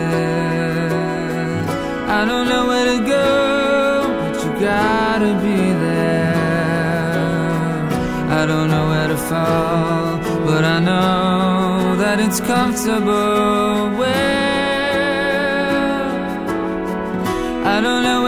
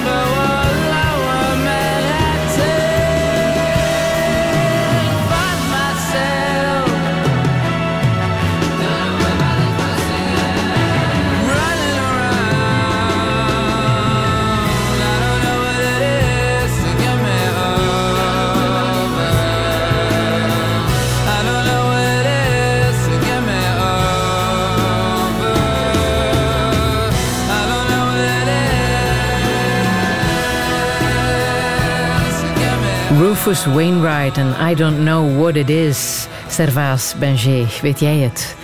Uh, nee, maar je moet er wel geweest zijn. Wat wil hij vertellen met dit nummer, denk je? Ja, de, ik denk twee dingen. Enerzijds van hoe spannend dat eigenlijk allemaal kan zijn en hoe tof dat kan zijn. Maar anderzijds ook van ja, is er daar ergens iemand die, die weet hoe dat ik mij voel en met wie dat ik kan verbinden? Want ik heb gelijk iemand nodig om, uh, om de puzzelstukjes samen te leggen. Wat dat, wat dat deels waar is, denk ik, en ook deels niet waar. Uh, ik denk dat er kracht uitgaat van niemand nodig te hebben om uw geluk en vervulling te vinden. Want als je, als je die verantwoordelijkheid bij iemand anders legt, dan kun je heel uh, bekocht mm -hmm. uh, ervan afkomen. Dat, uh... En is er iemand bij jou? Nee, op dit moment... er zijn veel mensen bij mij, maar ik, heb geen, ik heb geen relatie op dit moment. Of geen liefdes- of partnerrelatie, zoals dat we dat in onze cultuur zeggen. Maar ik, ja, ik geloof wel heel hard in het feit dat dat je eerst gelukkig moet zijn zelf, voordat je mm-hmm. het geluk kunt delen. Uh, want als er niks is om te delen, dan... Ja. Je hebt wel al een traject afgelegd als het ja. daarover gaat, over relaties. Ik heb en al over... veel mogen leren. Ja. Veel mogen leren? Ja. Uh, wat dan? Kan je dat zeggen? Ja, ik, ik wil dat zeker zeggen. Ja, ik, heb, ik, ben, uh, ik heb een paar lange relaties gehad. Ik ben dan eenmaal bijna getrouwd. Dan ben ik eenmaal... En heel erg bijna. En heel erg bijna, ja. Tot Hoe dicht stond je bij je huwelijk? Ja, alles was klaar. Uh, de uitnodigingen waren verstuurd. Was twee weken ervoor, twee of drie weken ervoor. Twee weken ervoor. En dan toch beslist van uh, niet te trouwen. En wie heeft beslist? ik zeg altijd wij samen, maar uiteindelijk denk ik dat zij dat beslist heeft. Voor jou? Ja, zij, zij had zoiets van: als dat uw leven is, als jij dat hier zo gaat doen, altijd alleen maar werken en met je eigen bezig zijn en dit en dat. Daar ging het over. Dan zal het zonder mij zijn. En dan heb ik natuurlijk vanuit mijn ego toen gezegd: oké. Okay, ja, uh, en ja, dan, dan zijn we uit elkaar gegaan. Nou goed, ja, eerst de praktische regeling uh, van een super zakelijk briefje naar iedereen gestuurd van ja, by the way, die uitnodiging laat maar zitten. Toch dus, heftig, hè? Ja, Om zoiets heftig, te moeten meemaken. Maar op dat moment was ik zo met mijn eigen bezig dat ik ja, er nog te weinig bij stilgestaan heb. Uh, ja? Dus ik heb het nog een keer moeten meemaken. Uh, dus het leven geeft u altijd wat dat je nog niet geleerd hebt. Dan krijg je altijd nieuwe kansen om dat te leren, zeggen ze. Uh, dus dan ben ik vrij snel in een andere relatie gestapt. Dat was een, een, heel toffe relatie, dat was, dat was, dat was heel leuk, getrouwd. Maar dan voelde ik vrij snel van, ja, dat is misschien, het is, het is toch niet wat, wat ik verwacht van het leven. Misschien wist ik zelf niet wat ik verwachtte op dat moment. En dan, uh, ja, toch de keuze gemaakt om, om uit elkaar te gaan. Dan was ik het die heel hard gekozen had voor mezelf. En dan de, de, ja, de, de klassieke rebound-relatie, waarin dat ik nog verder van mezelf gaan, gaan staan ben, waarin dat ik mezelf volledig wegcijferde en iemand anders zou zijn. Echt, dus tot op de, de kelk moest tot op de bodem leeg, zeg maar. En toen is mijn wereld echt ingestort. Hè. Uh, als die liefde dan ook niet beantwoord was. En, uh, en hoe diep heb je toen gezeten? Oh ja, heel diep. ik had er geen zin meer in, op een bepaald moment. ik had echt zoiets van, hey, zie me hier nu, waarvoor doe ik het eigenlijk allemaal? Dus ik heb, ik heb toen echt moeten, moeten gaan zoeken naar, naar, naar mijzelf, want daar heb ik geleerd dat de, de enige persoon waar dat je moet mee overeenkomen tot het einde van je dagen, is, is jezelf. Hè. Dus, uh, ik... En waar ben je dan beginnen zoeken? Want dan moet je moed hebben natuurlijk. Hè? ik kon niet meer anders. Ik had zodanig veel pijn en ik was zodanig aan het afzien. Ik, uh, ik, kwam, ik ben nooit gestopt met werken. Ik heb, ik heb altijd uh, blijven voortdoen. Maar ik kwam thuis om, om, om drie uur smiddags soms, dat ik vroeger naar huis ging, dat ik de deur achter mij dichttrok en, en begon te wenen. Gewoon. Uh, tot, en de volgende ochtend waren de tranen net opgedroogd genoeg om terug naar buiten te gaan. Uh, en toen, ja, toen ben ik die, bij die psycholoog gegaan. En ja, op een of andere manier heeft zij vanaf het eerste gesprek toen die deur voor mij geopend. En, en die zelfgroei eh, geactiveerd. Want je moet het uiteindelijk zelf doen. Hij praten helpt, maar de, de, de klik moet je zelf maken. Hè. De, de, de stappen moet je zelf zetten. En dan ben ik beginnen lezen daarover, beginnen eh, loslaten, beginnen mediteren, beginnen... Ja, ik heb van alles gedaan. Eh, Schrijven ook? Schrijven ook, ja. Mhm. Dagboekjes. eh, elke emotie die, die toen op mij, af, op mij afkwam, dan stopte ik met alles. En dan zette ik mij en dan even gewoon voelen, oké, wat, wat gebeurt er nu? En dat helpt om het echt Ja, op dat is, te schrijven? ja, weet je, een emotie is, is, een, is, een, is een hormonale wisseling. Dat is een samenspel van neurotransmitters en, en hormonen in ons lichaam. Dat is het zuiver biologische substituut van een emotie. Maar dat verdwijnt. Dat gaat, na 10, 20 minuten gaat dat over. Dus op het moment dat je dan zo een angstaanval of een verdrietaanval of een jaloezieaanval of noem het, op, als, je, als je op dat moment je daarop focust en zegt van kom, laat, laat het nu maar, het is niet zo erg, het is maar een emotie, eh, dat is eigenlijk het eerste dat je kan zeggen, dan verdwijnt het ook. En dan kom je in een soort staat van oké, laat ons nu een keer terugkijken van wat was dat en van waar komt dat. En, en zo ben ik tot heel veel inzichten gekomen mezelf vanuit ja, van wie, wie, wie ben ik en, en zelfs plots dingen die ik al lang vergeten was van, van iets dat gebeurd was op het strand als ik met mijn pp eh, in een tijd eh, op het strand van Oostende wandelde. Eén zinnetje dat hij zei, dat, dat je het meegepakt hebt in je leven. Eh, sommige dingen negatief, sommige dingen positief. En zo heb ik heel veel geleerd over mijzelf. Door stil te staan eigenlijk. Hè. En door mijzelf de tijd en de ruimte te geven van af en toe te zeggen... Kijk, we gaan, eh, we gaan hier even op de pauzeknop duwen. Eh, en daar dan over te schrijven. En dan heb je zo het ajuintje dat je kunt beginnen afpellen. Ah. En Schrijf je niet alleen in jouw dagboek, maar ook in dichtvorm. Hè? Dat doe je ook. ja, dat heb ik eh, vanaf dat ik acht jaar was... ik heb dozen vol... Zijn dat gedichten voor jezelf? Die je aan jezelf adresseert?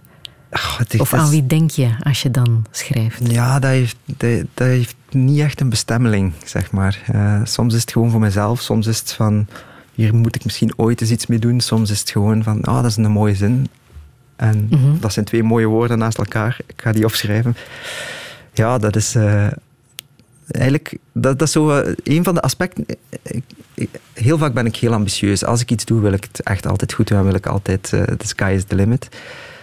Bij het schrijven van gedichten heb ik dat iets minder. Pas op, misschien dat ik ooit nog wel een keer een gedicht ben uitgeef of zo. Maar heb ik meer zoiets van, weet je, dat mag ook gewoon voor mezelf zijn. Eh, omdat ik daar iets uithaal, energie uit, uit krijg. eh. Wil je iets voorlezen? Want dan is het niet meer voor Ja. jezelf. Hè? Dan is het voor alle mensen die nu aan het luisteren Nee, dus ik vond het heel moeilijk om te weten wat. Dus ik heb echt gewoon blind iets uit mijn doos gepakt. eh, en, Oké. ja, ik wil wel iets voorlezen. Ja. Graag zien in kleine beetjes. Elke dag een beetje meer. Elke dag een lesje dat ik niet zo makkelijk leer. Elke dag wat dichterbij of net wat verder weg. Elke dag de tanden stuk, omdat ik het niet zeg. Graag zien in kleine beetjes, want te snel geeft te veel pijn. Om te dragen in de hartjes van wie we net geworden zijn. Graag zien maakt van ons mensen, die we altijd zijn geweest, maar die verdrukt het hoekje kozen van het leven, van het feest. Graag zien in kleine beetjes, wakker worden van de slaap, Le- leren voelen wat we voelen, leren omgaan met die aap. Graag zien in kleine beetjes, ook al wil ik soms een knal. Maar ik wil de beetjes wel proberen, want wat mag zijn, wel, dat zal.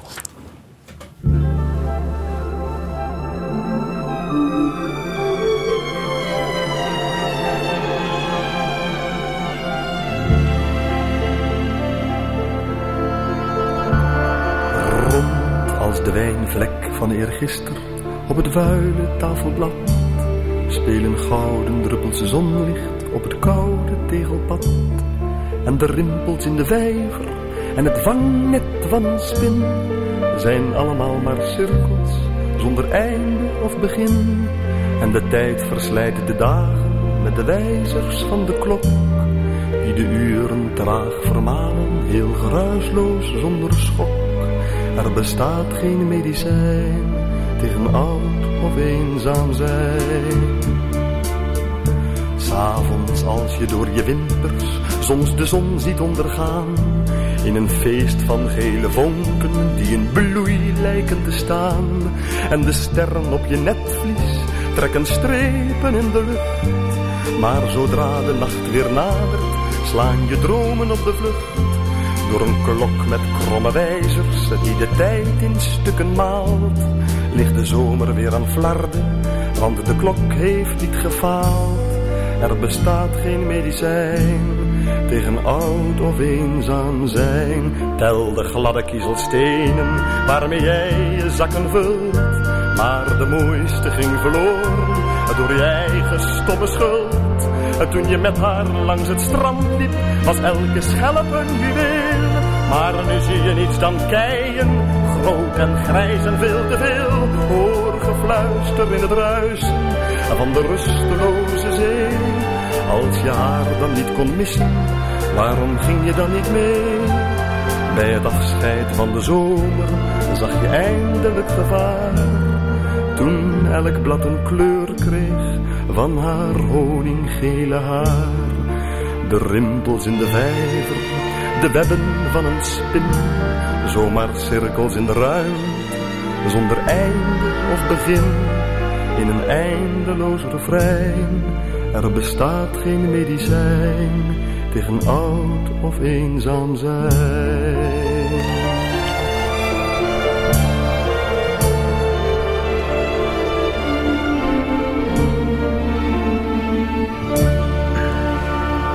Prachtig nummer is dit, Cirkels van Herman van Veen.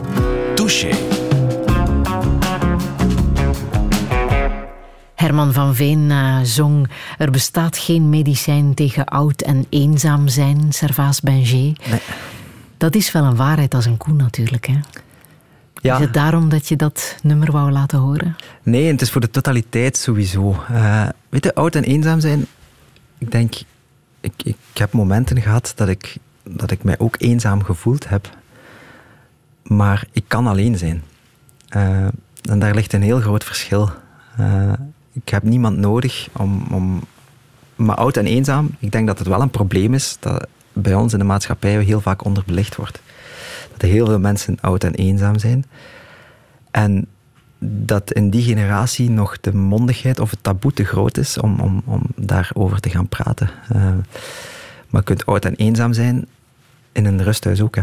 Uh, als je in een groepsactiviteit kunt je ook oud en eenzaam zijn. Dus eenzaamheid is niet noodzakelijk iemand naast u of bij u hebben. Ik denk dat eenzaamheid ook heel vaak gebrek aan connectie is. Uh, dus eenzaamheid is iets dat we denk ik in de hand hebben. Maar dan moet je zelf bewust kiezen om de connectie te maken.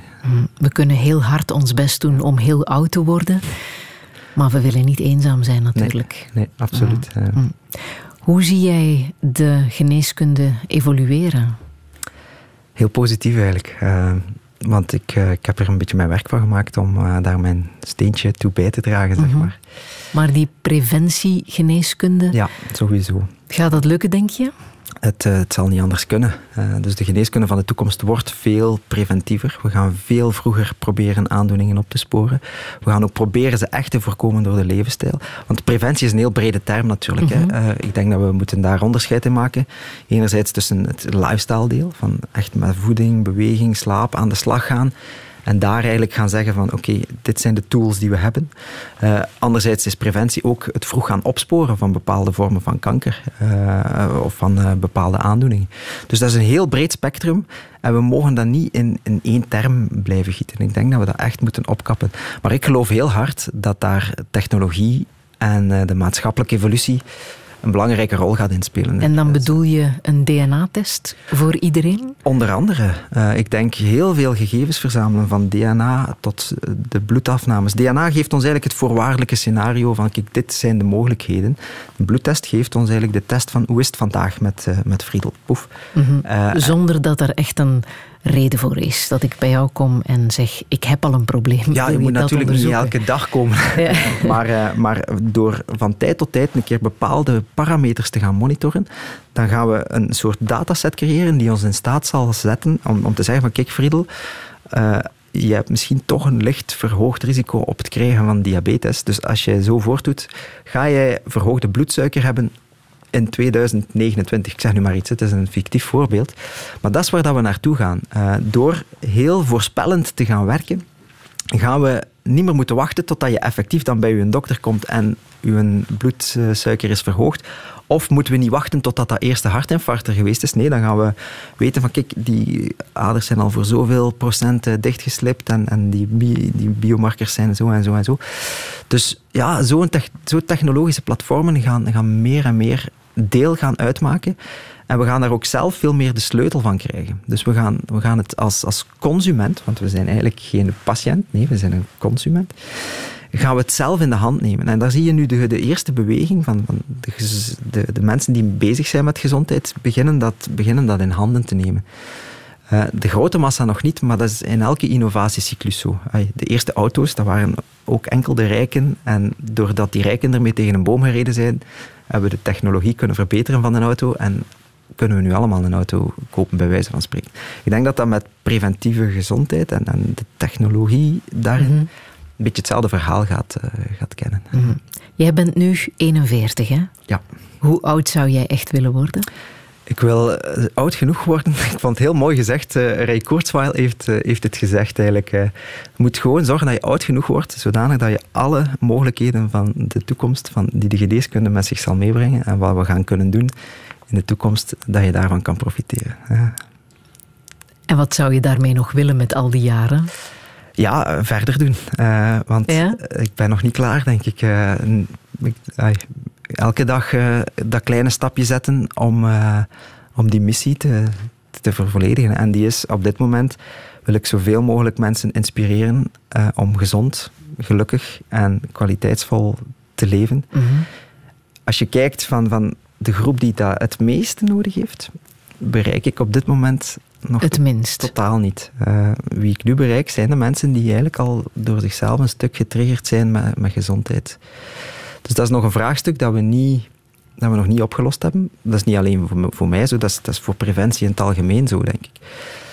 Maar daar geloof ik heel hard in, in, in de natuurlijke evolutie van, uh, van zo'n systeem. Dus, uh, en welke boodschap wil je hier nog meegeven? Ja, dat is, uh, dat is zo'n een, een, zware vraag. Ja.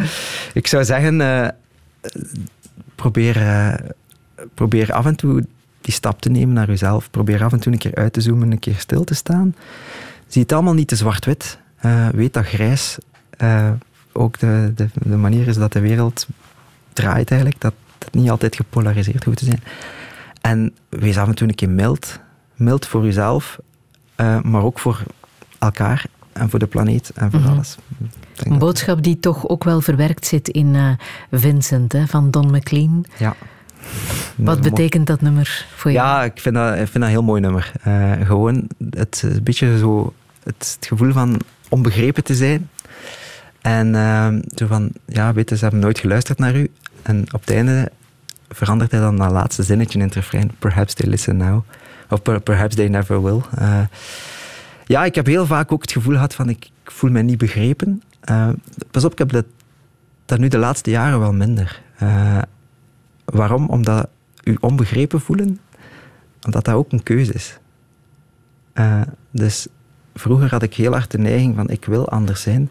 Nu heb ik veel meer de neiging van I'm one of you. Starry, starry night Paint your palette blue and gray.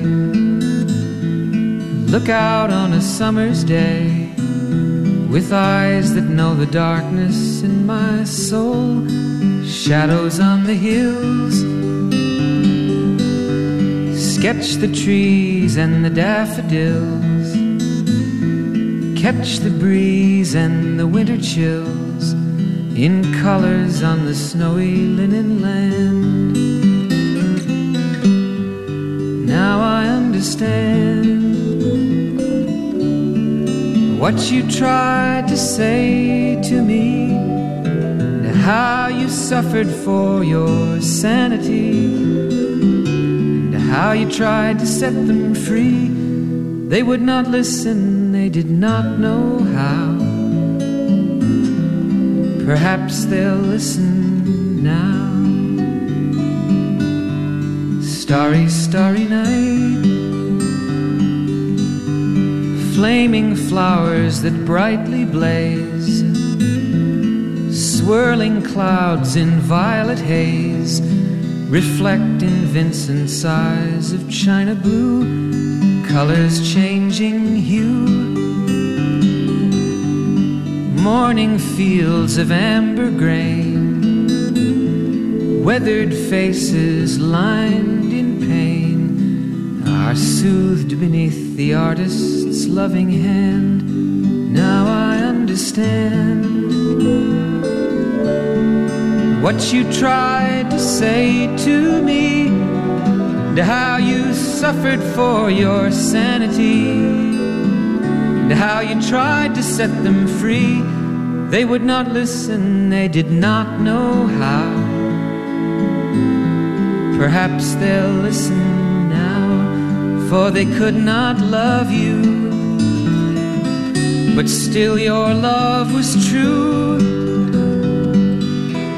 And when no hope was left inside on that starry, starry night, you took your life as lovers often do. But I could have told you, Vincent, this world was never meant for one as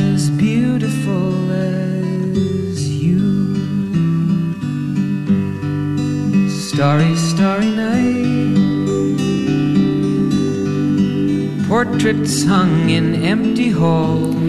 Dat prachtige eerbetoon aan Vincent van Gogh van Don McLean past perfect in onze Classics 1000. Ik heb het nog niet gehoord, maar het beste moet ongetwijfeld de komende week nog komen. Ik wil je hartelijk danken, Servaas Benger. Wees mild voor jezelf. Alle info staat na te lezen op onze website radio1.be. En volgende week komt advocaat Jan Leijzen vertellen wat hem raakt in het leven. Herbeluister Touché via de podcast, de Radio 1-app en radio1.be.